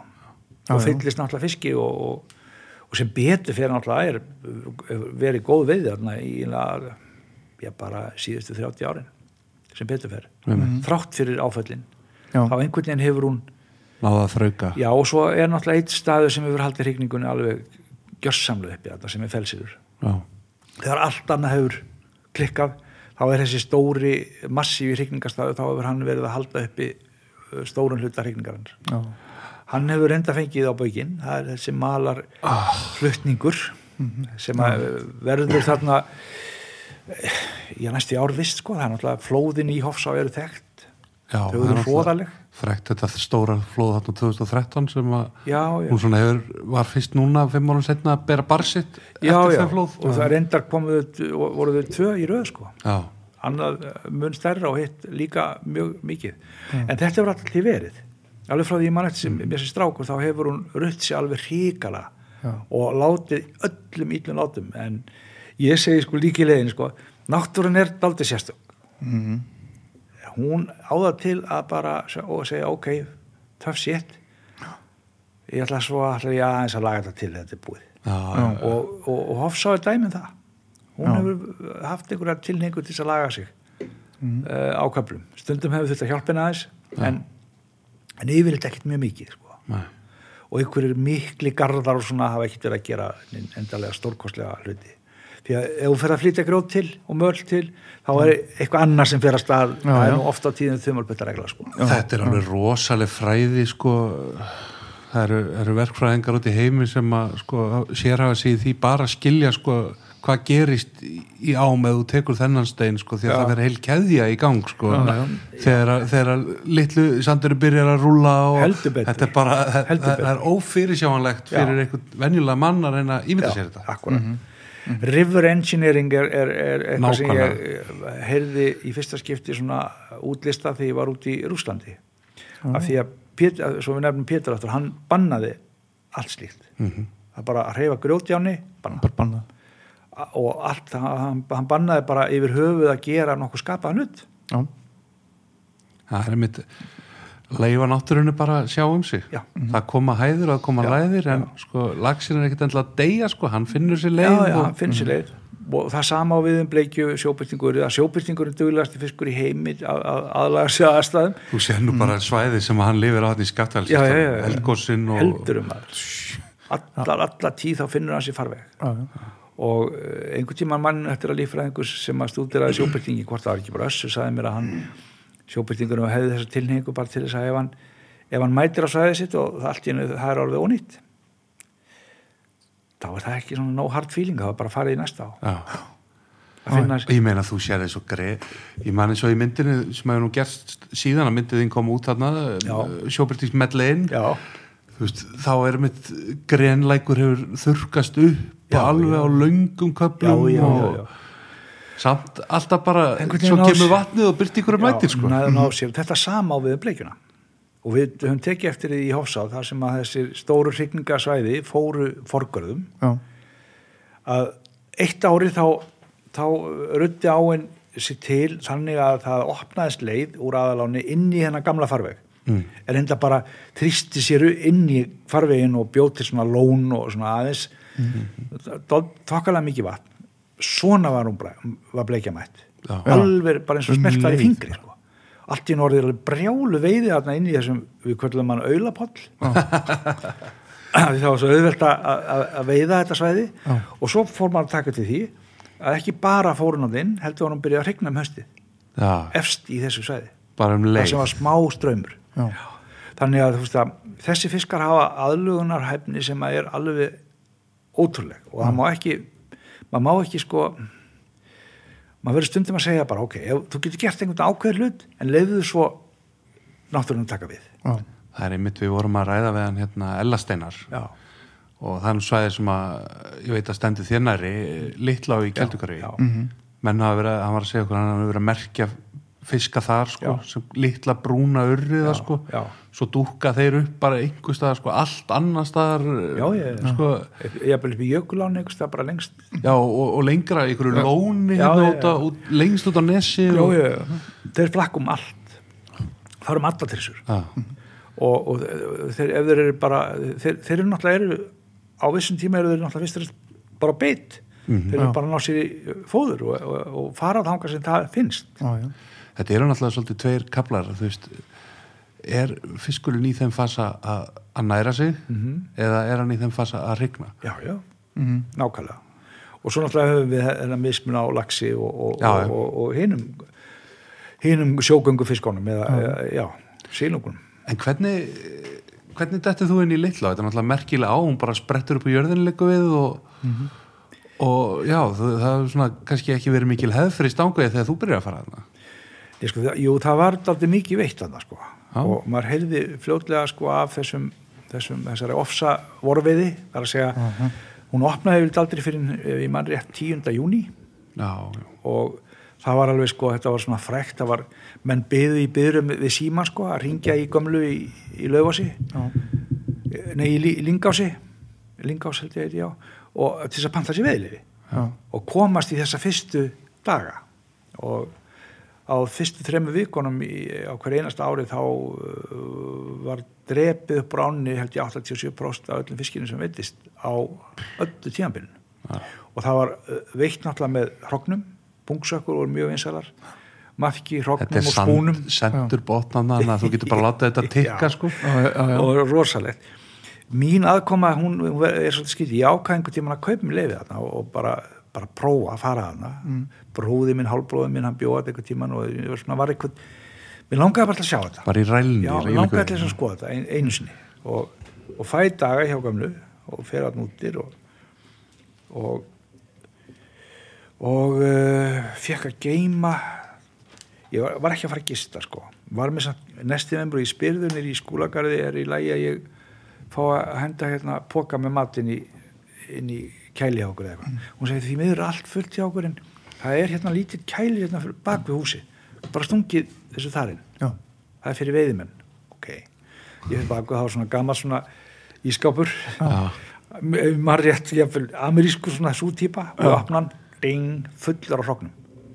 Já, það var ekkert pláss fyrir matið minn. Nei. Sí. og ég sem, já, sæll, og lyktin eftir því sko alveg og bara allt löðrandi í einhverjum drasli. Þannig ég, ég hendi nú pókanum aftur í bílinn og fer upp, efst upp við svo kallar ræsið þar sem að áðan fer undir veginn.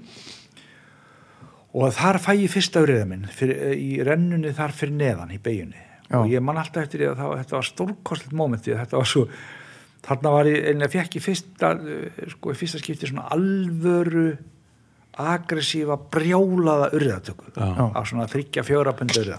Já, alveg sko, armripping. Já. Það sko, maður fann til í hendinni sko, það var svo mikið geggjun og náttúrulega pluss það náttúrulega adrenalinni fór alltaf flegi ferð og svo stökka sér flotti fiskur eins og þau gera þarna. Og allur pakkin og ég sé enga við með þannig ég held áfram niður og kemur niður á svo kallega borgkildabreiðu og þar er sláturhúsið hraðar hendur í gangi sko. Og á þessari fallegu borgkildabreiðu þar, þar eru þrýr aðilar að, að sko veiða upp úr borgkildabreiðinni og það hefði verið einn, einn var að með svona þrý krækjur og náttúrulega segulíkjur og var að setja einhverja hrogna lufsu á sko til þess að gera klárt fyrir næsta sko. Já, og hinn tveir voru úti og það, það, það voru svona 30-40 fiskar sem lágu í, í slórinu á sjálfu sér á bakkan það var ekki eins og haft fyrir að plasta þetta strax sko. nei. Og ég er ekki að segja þetta uh, ég, ég, ég ekki ég, málið það eftir á að higgja þá hugsa ég með mér ok, þetta er bara það sem að viðgengst ég ætla ekki eins og hafa meiningar um þetta Nei. ef menn vilja hafa þetta svona, þá er það allt í það ég meina ég kynst þessu fyrir austan Þetta var þetta var tíðarandinn tíðarandinn og ég bara, já, eitthvað, dómarka. Við erum ekki heilagir hérna við þetta borð. Nei, ég nenni heldur ekki svona. Hvaða ár er þetta? Þetta er, um, uh, þetta er bara tveimur árum en við Elling tökum hann að það ekki, við tökum hann að leigu 2000. Já, þetta er samt ansi seint fyrir svona stemmingu Svona stemningu, svona mikla En hún var bara, þetta var bara, þetta var bara pakkin. Svona voru veiðreglunar, það var byrjað 10. júni, það voru einlega allir hættir eitthvað að reyna að veiða þarna sko þrejum viku setna.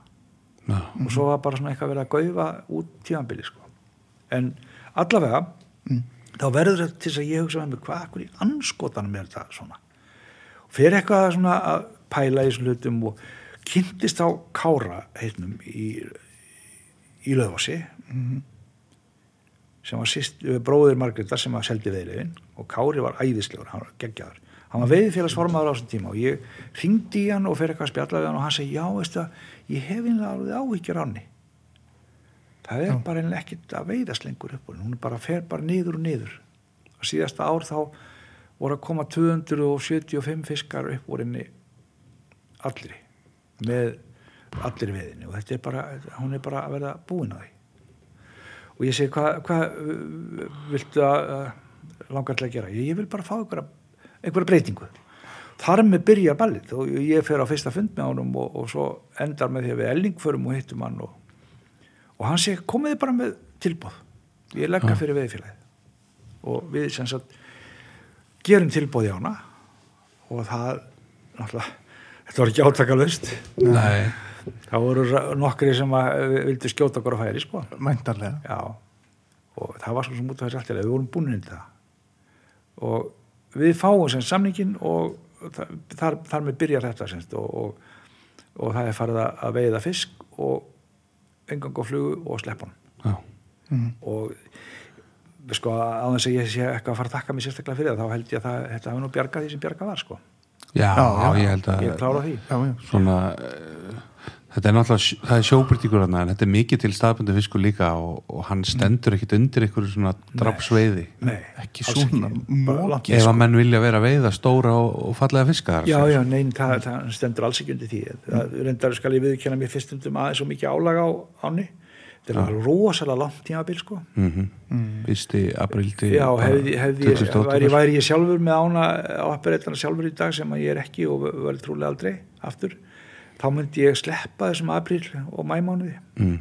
og Byrja bara í júní jafnvel og- frekar fara fram á það að fá þá framlengja fram í, í lok oktober Já, já, sem er stórkostlega tími. Já, við vorum stundum að fara þanga í svona í merkingaveðar og það er þetta bara, ef að veður eru góð skvört alveg klikkað við að fram, fram eftir sko. náttúrulega þessi vorveið þarna er koncentrerið þarna efst í áni já, og og þetta er verið að veiða sko, ég, ég, sko, kem ég aftur að því, ég ætla ekki að hafa neina sérstakar skoðanir eða fordóma gagvart þessum, þessari vorveiði en sjálfur myndi ég ekki nenn að standa þarna, við, Við ræsið. og niður á brunnabreiðu Mhm. og, ta- og móka upp haus og sporðum sko. Nei. nei, nei. ég bara, ég, ég fyndi mikið í því sko. en það er fleira komið með 300-400 þarna. fiskar sem er teknir upp á nokkur dögum þarna í ykkur svona ruggli sko. Galið mér finnst það svolítið sko. fleira sem þið komið með þarna þið komið með þennan sveigjanlega veiðitíma í þetta líka sem að henda náttúrulega seilungsveiðin einstaklega vel já, mjög fínt sko og það var reynd að breyta honum aftur einhverjir snillingar hann í veiðfélaginu sem ákváðu það að það væri nú kannski að betra að hafa utanumhaldi utanum þetta ef þetta væri ekki. En það er búið að lagast aftur. Mm og núna er við að veiða þarna á kvöldinu og nóttunni. Já, -hmm. sem er æðislegt sko. já, alveg klikkað. Já, skal trúa því maður. Já, ég hef nú ekki veit mikið þarna en þegar maður keirir hérna niður með þessu þetta er heljarna langt og mikið svæði. Hún d- svona dreifir úr sér það er erfitt að lesa í þetta og 13 km löng. Já, erfitt að finna út úr þessu þarna svona fyrir neðan svona fyrir að maður er að koma að þessi viskiti Já, já, þetta er stóri, stóri, stóri flóar mm. sem að engi skildi vann með það. nei, ég hef mitt, ma maður var hérna Það er stóru fiskarnir eru þar. var hérna mána á móti mæjúni og maður að keira þetta eitthvað og mann fallast bara hendur sko, svo sitjum við uppi á okkur svona háum bakka og horfum bara út á annað og þá slæðir í lokn bara í smástund og um leið byrja fiskurinn að vaka já, og þá bara svona, já, hann, hann er að þetta sko. Já, já, stóru dregarnir, þeir eru náttúrulega, stærstu fiskarnir eru að veiðast náttúrulega neðarlega áni, sko. mm. mm, Og þeir eru oft erfiðast að eiga við á. Það er að segja svona mest, mest töffa að fá það til, sko. mm, En svo rekkur þetta stundum alveg brjálaðast líka gang og þá þetta fá alveg svakalega naglaðna, sko. já, og náttúrulega stærðin á þessum urðum að það er náttúrulega alveg bara út úr kortinu sko. já. Mhm. þarna höfum veist sjógegnu fiskar yfir 20 pund og Já, sjógegnir ég meina brúnuriði ég meina Hafþór sonur Hafþórs vina minns við, við, í, fyrir þremur eða fjórum ára síðan þá, þá fengum við tvo stóra fiska. Annar þeirra var 93 cm og það var strákurinn sem fekk hann nýra á svo kvöldu holmahotni hengur og svo fekk ég eitt sem var 87 cm já, hrigna ágætis par. Þetta er ekki, þetta er ekki 10 kilo fiskar sko. Nei, nei, Nei. það voru sko ég, við, vorum svona ekkert að mæla þetta í ég mína 93 cm hnausþykku brún uriði hann er Hann er- svona 25-6 7 bönd eitthvað svoleiðis. Jesus. Og þá segja menn, horfa menn á manni sem að sé sko munka sinna að ljúa. Já, já, já, en sko ég, eina sem ég hef passað mig á þegar maður lendir í þessu það er ég á bara myndir af nákvæmlega. Og legg oft stöngina við hliðin á þeim bara til þess að sjá svona, sína mælinguna. Hver er nú kannski að unglaðar einhverju góðri mynd til þess að byrta með þættirum já, já, já, blessaði verður Svona- alveg já, En ég man eftir mögnuðu mómenti á þessum tíma svona eh, rétt eftir aldamót þú ert komið lillana, þú ert búin að setja þetta við og sleppa uh, og þetta er gerjun tími í þessari umræði við, við sleppa. Já, mhm. Ég var mættur í stangu jakkarum hans pappa Steinn, já, akkurat. Og Pálmi var þarna við þurfum eiginlega að fá hérna mynda þessum jakkasektor en já, jakkin er til sko. já, ok. En ég passa bara ekki í hann sko. Ég, skal, ég skal finna hann jakka og hérna, við erum eiginlega bara að ramma hann inn og ég ég held ég, ég, held ég muni eftir honum þessu. Ég var pingu lítill sko, í með sko axlabóða hinga. Það var svona hvítur og svartur svona yrjóttur einhvern veginn. Geggjaður 80s jakki sko. Já, nákvæmlega maður er flottur í tunglinu en já, þannig er þú að tala um við að sleppa og, og byrta myndir og eitthvað. Og menn verða svo heitir Pálmi.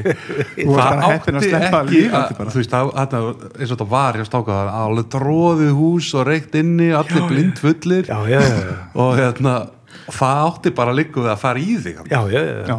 Af nokkrum. Mannst eftir já, þessu já, já, ég, veist, ég vissi alveg í, hva, í, í hvaða úl, úlfagrifið ég var að fara. Já. já, já, þegar ég var beðin um þetta þá hugsaði ég mér náttúrulega tvisar um. Ég meina, djöfulli sjálfur að ég get ekki fara ég get ekki fara að láta taka mig á lífið þarna, sko.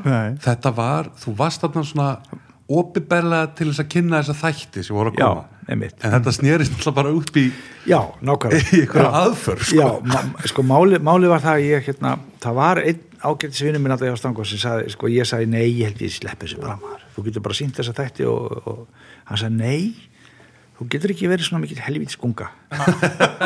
Og það er náttúrulega döðu til að segja Ah, nei, já, ok, ok. hann sagði þú, þú ert með eitthvað, þetta er langar til að segja eitthvað og, og þetta er vettfangurinn til þess. Og hérna jú, jú, ég fattaði það þegar um leiðu ég opnaði kjaftin að ég var ekki í sérstaklega góðum málum sko. ég Var í man að ljónabúi, pappi var sko. þarna pappi og bróðir hans og ég var helvitis, Pálmi Gunnar einhver heilu kú sjálfur búin að myrða alveg heilu Já. pókana sjópertingi nákvæmlega nákvæmlega Nei, sko ekki bara svo, svo Gunni vinn vin með Bender, hann hjólaði í mig líka sko og fór, að, uh, fór eitthvað að rifja upp eitthvað skattaferðsögur og svona og ég náttúrulega, ég, ég er svo smó sko alltaf gengist við því að þetta var náttúrulega maður tók þátt í þessu. Já, ég meina 29 lagsatnir hann í hóf, voru ég ekki beint hóf nei, stilt sko. nei, nei. nei, sko á þessum tíma þá, þá, þá, var, þá var það í rauninni sko merkjum hinn mikla veiðin. Já, já og það voru líka ekki svo góðu myndælar í símanum. nei, nei, þú þurftir að koma í hús með plastið plastið til helst sína sko Já, fyrir já, og svo banka á klukkan. Já, já, sjáu hvað ég já, er. miklu gríðalega og- stórar og mikla hreðjar. Því að ég alla þess já, hinn, hinn mikli veiðmaður var náttúrulega mældur svolítið mikið í, í drefnum fiskum sko. já, já, já. Og maður mann eftir að þessum myndum þessum, sko, legendary myndum þar sem allt holli stóð svona eins og fótboltalið. við flekann. við fleka af plastpókum ég veit að bara heilt bílaplan bara. Bara maðka opnun í miðfjörðar á þrjú út og lagsal á já, menn já, alveg. sem getur ekki ímyndað ykkur hvað ég með stórt yfir já, ég, sko, þetta er alveg rétt og, og, og þetta, sko, tíðrandi var svona og ég skil ofsalega vel uh, ég skilur henni mjög vel að menn voru gröðfúlir þegar eitthvað svona uh, eitthvað svona pop hæns kom og fór að gera sér breiðan sko. sem að hafði þar að ekki líka svo, svona hálfgerða leiðinda sögu á bakinu sko. litríka vortíð Já, litríka fortíð. Pálmi er hættur að drekka og heilagur. En, en sko á einhverjum tíðanfóti þá sem er ok, ég hef sénsinn að því bara að ganga frá þessu og vera ekkit að pæla í þessu ég þarf ekki á því að halda. En, en á einhverjum ástæðan þá hefur mér ekki tótt neitt óljúft að láta gamin gesa sko nei, nei En það var líka rosa pólitísk slagsíða í þessu þáttum sem Já, já. þú kemur inn á væri ekki, þú veist, þú, það, er svona svaka náttúru stemmur og monaloggur, Já, já. væri ekki vit að hætta voru við í, Já. í skaftafelsíslum, lengja fram á haustin, gefa þessum fiskutæki fyrir að vera Já, gamlir, já. þú tekur veður í, í veiðina fyrir neðan fossa í lags og í aðaldal, já, já, og fæ náttúrulega heimamann þar með mér sko, Já. sem var mjög cool við hefum vorum á húsæk í gær og bárum þetta undir Já. formann húsæk þetta og Já, já. og hann sagði, já sko þegar maður horfa á þetta í dag ætla það hefði ekki bara verið rétt. Já. Sko, ég veit allavega að hann hérna hann uh, formaður hérna veiði, hvað heitir það? Hvað heitir hann hérna sem að býrnir og lagsamýri Já, hann Jón var alveg, Helgi. já, Jón Helgi, hann var alveg snarvillis út í mig þegar þetta kom og hringdi í mig alveg svart villu sko djöfulni ég væri að draga uh, þetta fram og, og draga hennan hérna, strák úr hérna, hann her, hermóð með inn í þetta og ég var, ég, ég hvað var ekki í gangi sko, var alveg rosa fúll og, þarna ertu náttúrulega aðeins bara undan henni samt já, sko. en það sama gerist líka þegar ég byrjaði, ég gerði stutta innslagsþætti fyrir Rúf á sínum tíma, ég veit ekki hvort þið horfðu á það á einhver tíman já, já. það var svona byrjun á þessu. Fekk ég svona séns í gegnum hann fréttastjóra að koma með svona það voru svona kannski fjórar, fimm mínútur. Já, já. Og þar byrjaði þetta helvitis ruggli mér ég, sko, þú fannst einhvern veginn að þú ættir að taka slægi Já, ég tók, þetta voru í þessum, þessum þetta voru einhverju áttaþættir, stuttir sem koma alltaf og síndir alltaf eftir fréttir. Já, Já. og ég eftir byrjaði nú ekki á sko, ekki á sko lægsta garðinu því ég fer hérna út í Ólasverðar á. Já. þar sem menn voru við malatökur í og sko, hérna, búldósirarnir og gröfurna voru sko að, sko að taka úr brotunum og, og hleypa Já. fram flottustu rigningastöðunum og Já, já. íðurlöðu náttúrulega stóran hluta. Það er og það er fyrsti þáttur sem kemur. Það er hringing daginn eftir. Að lögmaður frá vegagerðinni. Nei, Já, já, og það er bara hóta háls og beinbroti bara 1 og 3, bara draga því bara fyrir bara já, bara, nei, bara, bara I'm gonna fucking sue you. Já, og ég var svo kokki og vittlaus já. og var reyndar það var stutt eftir að ég hætti að drekka og það var eitthvað mikið eh, skrítið efnaskipta var og ég sá hann bara steinaldakjæft og, sko hann mætti hjóla í mig og ég væri með miklu meira efni og ég geti bara að sína þetta bara allt. Og, en það heyrist ekkert meir í honum. Nei, svo næsti þáttu var þá, þá fór ég í hveragerði. Og fyrsta sko skotið í þessu myndskeiði er bara nærmynd af klóakinu það sem er rann út í varma. Og, og hérna og, og hérna og myndatökum var hljóðið í honum að kúast. Já, að þetta voru svona, þetta voru tveir fyrstu þættinir og náttúrulega hver að því reif sér nú heldur betur upp á raskatri gerði þarna einhverja dýrust og flottustu skólprinsistöð Já, bara sem að finna á reynd, landinu. reynda skal ég hæfæfa þá vegna þess að það- þeir skömmuðust ekki út í mig nei, Nei. Þeir tók þetta bara, ok.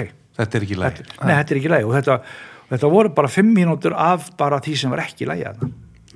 Og ég tók, dró söguna fram dró fram hérna ullar li- lita, hérna, ullarveksmiðuna sem að var að smúla sápun og litnum út í án og svona, ég tók þetta allt fyrir.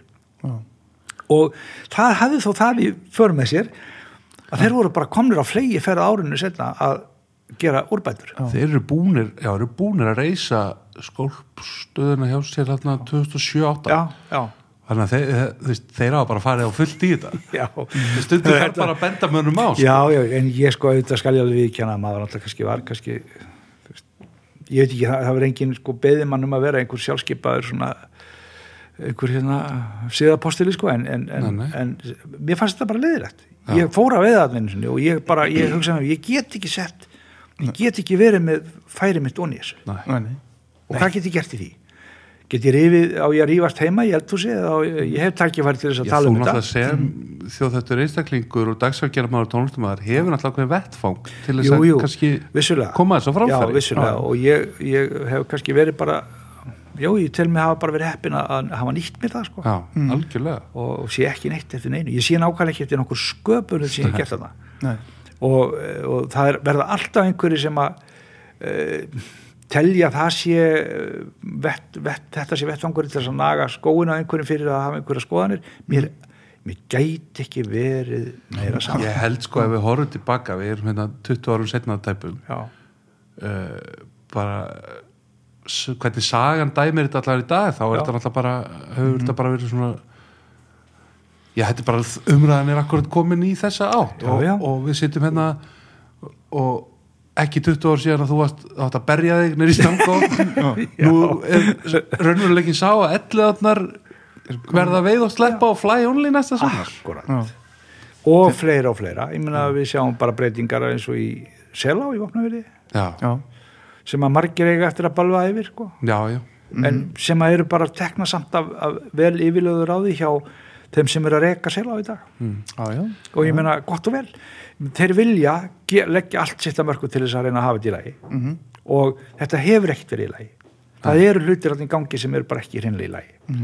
Og við maður höfum, svona- höfum átnar í, í, í hérna, ég við tökum bara þýstir fjara átnar, við, við höfum uh, Hafránusá sem er búin að uh, sko er bara búin að vera eins og hérna ég er bara, þetta er bara búin að vera svona go- hérna, hvað kallast það? Góliat mm. bardagi. Já. þessi á er búin að fá smá meðhandlun og rifið sér upp og það er alltaf, kemur alltaf einhverja bara kjölfarið og eyðilegur allt.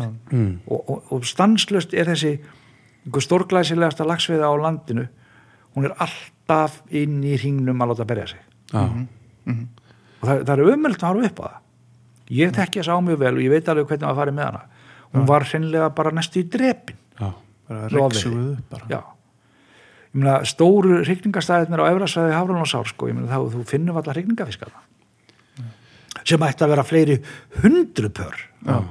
en þeir voru bara systematist var þetta bara tekið ár eftir ár og eftir ár ríksugað og á endanum þá situr upp með engan hrygningstofn þú ert náttúrulega hérna úr vopnafyrinum eins og við höfum komið inn á. Já, og það er náttúrulega þetta Six River Project sem að Radcliffe er með í gangi núna maður svona horfir utan á inn í þetta sko og auðvitað er þetta stór áform og allt það og maður, ég, veit, ég veit bara ekki alveg hvað mér finnst um þetta, Nei. þetta það eru margir vinklar og, og sjóna með á þessu hvernig, hvernig sér þú þetta? Hann er náttúrulega klárlega allavega komin í svona einhverjum eins og Peter Power pælingu sem við talum að, Já. að involvera samfélagið og já, allt það já, já. sko ég ætla bara að leifa tímanu líka að vinna pínlítið með pælingunum mínum um það hvort að þetta sé rétt eða ekki rétt hins vegar ef ég horfið tilbaka þá náttúrulega er þessi, þessi, þessi þróun hún byrjar fyrir löngu síðan í vorumverði það þurfti ekki neitt breskan auðkýfing til Nei. það voru, voru íslenskir auðkýfingar sem að Jóhannes Kristinsson Jóhannes Kristinsson og, og, strengir já, og þeir, þeir, byrja, þeir byrja að kaupa hann upp uh, jarðir og, og, og hva, hvað sem má segja um það við bölvum því endalist að sé verið að kaupa upp jarðir mm. Myna, sko þetta eru þeir eru með lögin með sér, þetta er leifilegt Mhm. og ég, myna, ég get ekki verið að herkja mig lengi yfir því að einhver kom og kaupi jörð ef hann má það. Ég meina, eh, hver er ég að segja nei við því? Mm meina, hann- þetta er bara hans ákveðna afstæða, hann, hann ákveður að hann vil kaupa land. Auðvitað fannst mér þetta á mikið, mér fannst þetta orðið mikið þegar það- maður farin að sjá að það voru komna kannski hverja tugi jarða á hendur eins manns og það er það sem er í gangi núna. En það sem ég er að vonast til er það að ég, ég vonast til þess að sjá að afleðingarnar verði jákvæðar þetta sé ekki eitthvað einhver monkey business. Nei. ég held að sé ekki. Ég er satt best að segja. En sko svo við vorum myndið að ræða við hann Ella Steinar hann kom aðeins inn á þetta sko. Þú veist þegar við erum að byggja eins og eins og hérna fiskfarvegi og svona til hvers erum við að gera það og hver eru afleðingarna erum við að gera það fyrir laxinn eða erum við að gera það raunverulega fyrir okkur til að geta Já. veitt fleiri Já. eru aðri stopnar hann fyrir ofan, urriðastofnar Já. eða annað sem að eiga kannski eitthvað tilveru rétt líka já, sko. já, já, einmitt, ég er samanlega því. Þú veist, þannig að þetta, þetta er, þetta er svo, svo margar hliðar á þessu. Já, já, já. En ef við tökum þetta alfarið sko, ef við tökum það út úr jöfninu og hugsaum þetta bara út frá business hliðinni, þá vitum við það að lagsveiði innan gæsalapa er business. Já, já. það er búin að vera business orientaður, orienteraður bransi Iðnaður bara. já, bara yðnaður, bara í mjög langa tíma og þetta er ekkert nýtt hjá okkur. Og þetta er náttúrulega ekki. einaður sem er búin að flytja greiðlega mikið af peningum í sveitir landsins. Já, já, já, í og ekki, ár ekki spurning sko. En ég er alveg sammála því að það, má, það, það, það þarf að ígrunda gríðarlega vel hvernig þú meðhöndlar svona vatnasæði Mhm. það voru margir á móti því til mér sér sela á Jópnafyrði þegar að uh, Vívill og þeir byggðu stigan og ákvaðu það að hleypa lax inn á Efrasæði Já. ég held að sé nú engin ergilegur yfir því í dag. Nei, Nei. nú búið að byggja annan. Já, og svo, búið, sko, svo bara tekur þetta við vegna þess að heiðin er svo sérkennlega þarna, sko, hún, hún, hún er svo mögnuð í rauninni. Hún ber alveg fisk inn úr öllu. Já, bara uppeldi skilðislega séð. Þetta sama á við um Hafralónsá og, og flestar þessar ár á þessu, á þessu sveiði hvort að þetta er eitthvað að finnum góða að gera þetta per se veit ég ekki alveg sko. Ég, eh, ég veit að þú veist að urriðastofnandi til minn á og sílungastofnandir í Hofsá þeir eru ekkit merkilegi sko. Það er ekkit mikið af nei, þarna fyrir ofan foss. nei, það er, eh, gengur heiðableikja náttúrulega sko svolítið út í ána og urriði. Já, En þetta- þetta kemur þetta sprettur allt frá þessu hafralóni og þetta, Já. þetta rennur bara í sig hver áttina Já og svo úr vetnunum fyrir innan Hofsá inn á Já. Jökuldal en ég er búin að fara þarna sko um efri hlutan á Hofsá fór, tókum okkur nokkra túra í að skoða það bara út frá sílungsveiði og það var ekki mikið að hafa sko nei, Nei. og þannig að það verist ekki vera mikið af sílungi þar en en líffræðingar sem er að skoða þetta þeir segja að þarna uppvastaskilinni fyrir laxaseiði þarna mm. frá séu bara, bara með því besta. Þannig að auðvitað skilur maður að koma þarna 20-30 km viðbúta veiðivatni. Já, já, já. og ef við tökum þetta sem business þá er þetta skilinlegt það eru 16 gyrju viðbót. Bætist í kassa. En svo líka spurningum eitt, ég veit ekki hvað Ratcliffe er að pæla. Hann er ekkit endilega, virðist ekki vera endilega að pæla í eitthvað einhverjum uh, fjölda á stöngum, sko. Ég, Nei, hann er að, þú veist, sela og bara veita 16 gyrju, allt, allt svæðið sko. já, var áður, ég man ekki hvað það var en sko, ég, ég hef nú verið þarna einu sinni þegar orrir er náttúrulega þarna ríkjum sko, og þá var nú bara svolítið svona kannski hvað var búið að selja margast Já, sem já. að voru, Nákvæmlega. veistu, hvort það var ykkur upp í húsinu og lifstöðum eða já, akkurat. Ég hef, ég hef einhvern veginn á tilfinningunni samt að þetta sé svona, þetta sé kannski ekki alveg issueið. nei, nei. Að, að fara í einhverja svona uh, fiskvega gerð til þess að vera að búa til einhvern rosalega fjölda stöngum. Ég held að sé nú kannski eitthvað annað sem er að þeir eru baka bara þetta. að stækka búsaðin og Ég held það sko, já. mér grunna það.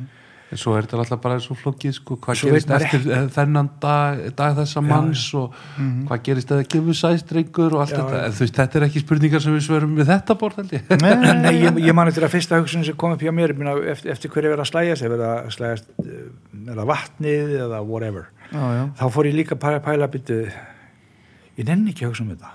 Já. ég vil freka sjá sama kannski hvaðan gott kemur. Já, og svo vil ég líka treysta því að, að það sé verði á einhverjum tíðanpunkti það löggjöfum verið það nægilega sterk að hún getur stöðvað þá ef að eitthvað fer úrskeiðis Já. þá getur sé hægt að grípa inn í og segja hei, þetta gengur ekki.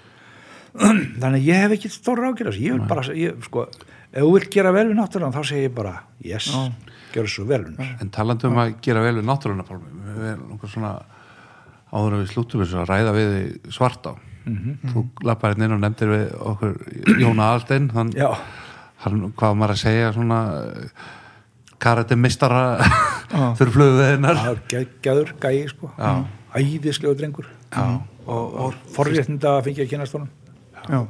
Svart á er náttúrulega algjörlega já og bara þú veist ef við erum að taka þessar, þessar heitu frjóu lindár sem við eigum örfáar Já.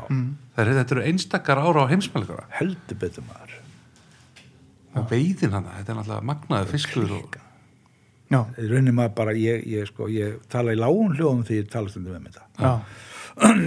sástu öryðan sem Jón Aðastöld fekk í fyrra hana já, Já. ég hef búin að fá nokkra stóra líka sko. ég hitti fyrir að þá voru maður að lenda í svona köglum sem að sko maður bara hugsa með sér, þetta er eitthvað, wow, þetta fara bara til nýja sjálfans til þess að finna svona kvikindi já. ef þú finnir á þar já.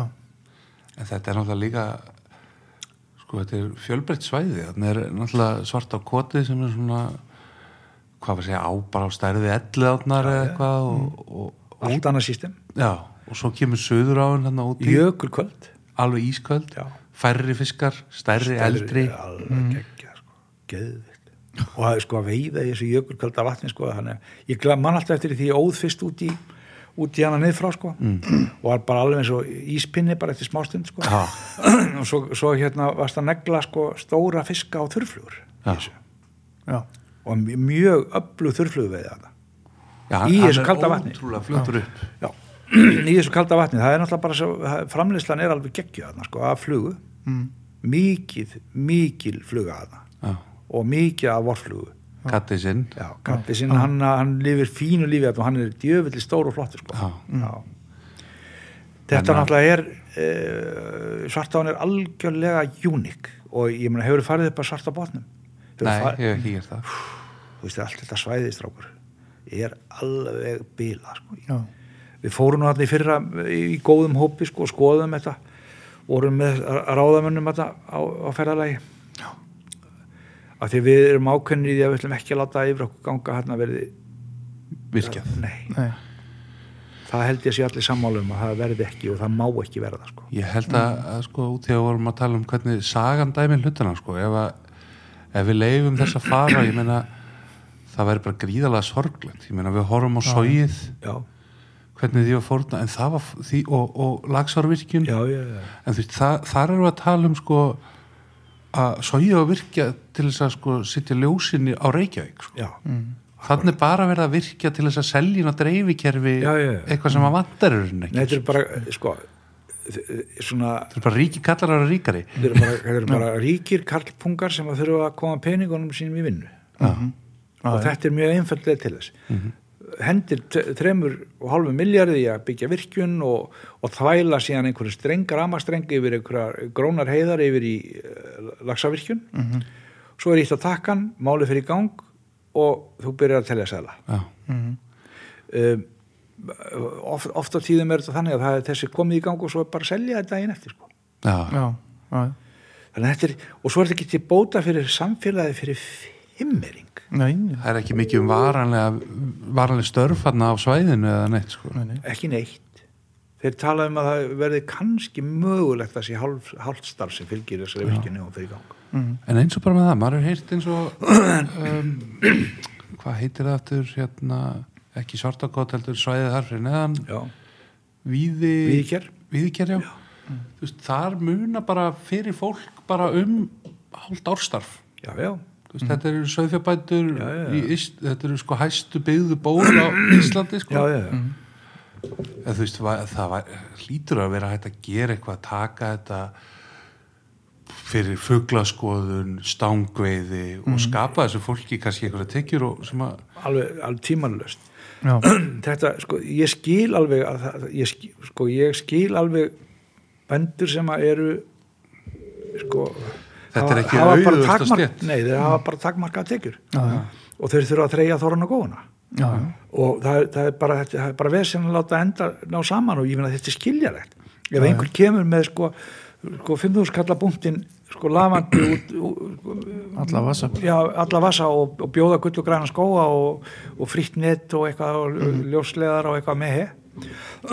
Og jafnvel fara jafnvel að jarma um vegagerð og svona sem að maður veit að verður aldrei að þá skilum maður að það sé sagt ok, þetta er kannski möguleikin kannski get ég að er ég komin þá stöð að geta loksins bara farið að anda rólega. Já, ég skila vel en, en sko á móti kemur að það hefur verið að forna bara svo helvíti miklu Já, já. fyrir þetta. Og þá segir ég, hvað er þetta að gera í staðinn? Við komum, minna, Jón það er ekki, er ekki bara hægt að segja við þetta fólk herðu, ekki gera þetta því að mig, mér finnst svo gaman að koma hérna þess að þrjá björtu suma daga til að veiða silung skilur. en það sérðu hvernig svartár félagið hefur unnið alla sína vinnu. Það er alltaf passað það er, sko, við erum ekki bara að tala um stangaviði. Nei, við erum ekki bara að tala um fiskin við erum að tala um svo margt annað. Mhm. náttúrunni í heilsinni keðjuna, þessa, þessa, þessa, þessa stórkostlegu festi sem liggur hérna frá hálendinu og niður í, niður í byggð. Mhm. og, og þannig að það, það hefur aldrei farið á það er, þetta er ekki bara veiði dellu kalla sem eru að að berjast fyrir þessu. nei, nei. og við, ef, ef við berum saman náttúrulega sko stóru sýstir eða hvað þeir viljum ekki kalla það, lags á í mjög já, ég meina þetta var ekki bara urriðin sem var bjargað þarna þegar þeir- þegar þeir þessa nei, fram, framrás. Hugsið ykkur hvernig staðan væri ef allar þessar hugmyndir hefði fengið að, eh, fengið í gegn þar voru skelvilega segi bara ef að mýð það er runnið og Já. þá áttu náttúrulega að fara að leiða eitthvað jökulvatna það úti og já, já, já, já, og sap, sapna sama vatni hérna og það það væri ekki- þetta fuglalíf, það væri ekki þessi grónu bakkar nei, nei, nei. en á, sko, svo kemur að þessu með, með hérna, störfin og peningana sem, að, sem ég finnst nöðsynlegt að hugsa um þegar að kemur að, að þeim sem búa þetta við ána. Þetta er það sérstætt svæði og það er margótt búið að benda á það að þarna væri sko virkilega hægt að byggja upp bæði rosalega blómlegan ferðaðinnan og fræðaðinnan já, að þetta er svo merkilegt þetta er bara svo þessi tenging við hálendið, hálendisbrúnin og, og, og þessi sko, þegar þú komin inn í svartakot þá ertu bara að horfa inn á hálendi Íslands. Já, já. og, og í rauninni bara ég veit ekki hvort þú hefur séð það hjá honum vinn okkar, Jóni Aðstöðinni hann Börre arkitekt norski, hann, hann er búin að koma hérna með, með arkitektahópana sína hingað. Ég heyrði það því. Og þeir bara notuðu það sem, sem ús, hérna, útskrifta verkefni úr, úr bekknum í, í hérna, arkitektaskólanum í, í Oslo. Já.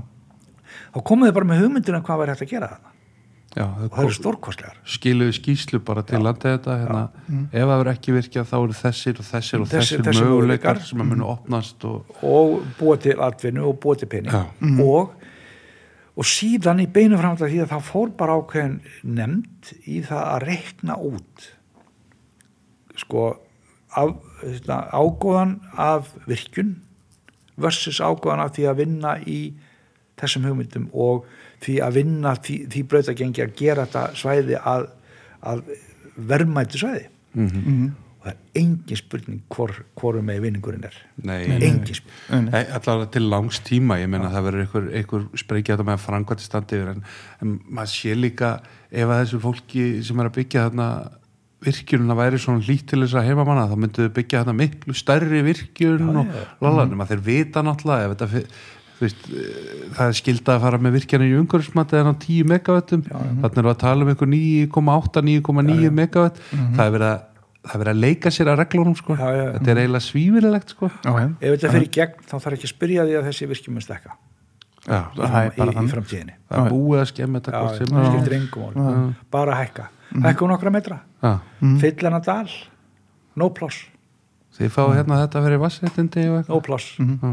Nú, þetta er umulegt, skelvilegt skelfilegt og, og þeir sem hafa náttúrulega verið þarna og, og flext þarna um og farið um og skoða þetta og virkilega tekið þessa náttúru inn sko, það er bara, það er allir bara með einlega grátstafin í kverkonum yfir bara hugmyndinni sko. Það er svo ótrúlegt þegar maður stendur hérna á planinu hjá svartakoti og, og veist þarna eru endurnar bara að fljúa inn í, inn í hlöðu hjá þeim og verpa í þetta gera stórkostlegt bóks og þetta er einhvern veginn svona fólk sem að lifir í 500 metrum. Já. þetta er hæsta byggða ból í svona einhverju ótrúlegu sambandi við náttúruna sko. Já, já.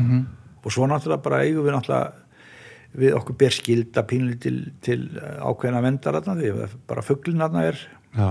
er undir undir alþjóðari vend og hérna þannig að við erum að, að við erum að fara gegn öllu því sem að sko okkur ber skilda að fara ekki gegn.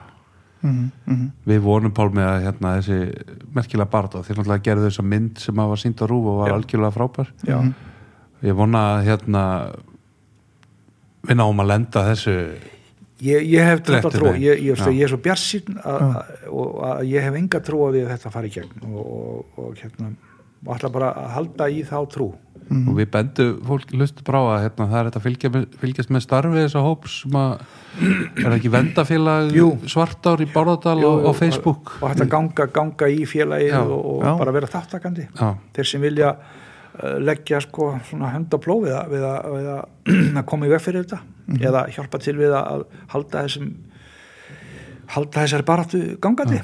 Bara bara afsala vel liðið sko. Allir að kíkja á þetta. Vend, vendafélag svartár á, á hérna Facebook. Mhm. en Pálmi, við erum búin að fara víða núna.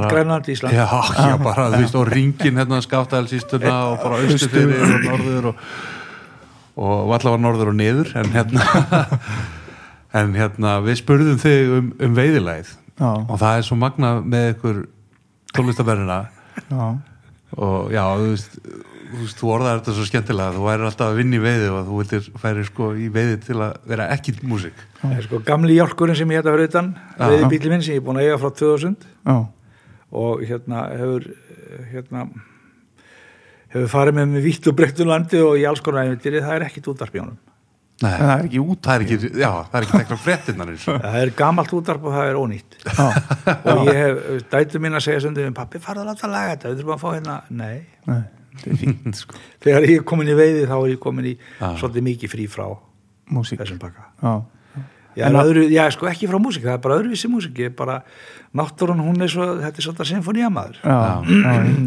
hún er, við veist, hún svona passa mig vel eftir að ég svona komin út úr af sviðinu og út úr stúdíónu, sko, það var búið gott að þetta er nákvæmlega fara á sama. þetta stóra svið og og hlusta hann hérna Bubbi Morten sagði við nei, ég bara bara enga músík í enga veiði. músík í veiði sko. Nei, nei.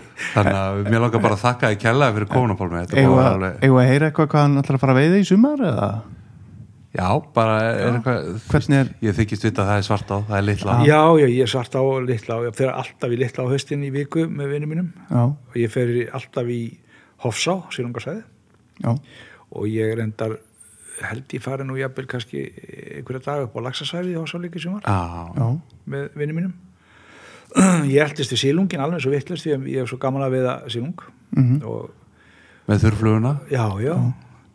Svo, svo er stendur fyrir dyrum að fara til Úslands líka já, í sumar. Þannig að hérna þetta verður örgulega bara mjög skemmtilegt sko. Það er alveg forfallir og svo er, svo er nú reyndar á plani að fara í sjóbyrting austur. Já, já, ég ekki farið svolítið tíma ánga sko. Hvert á að fara? við erum svona velta vöngu sko. Mhm.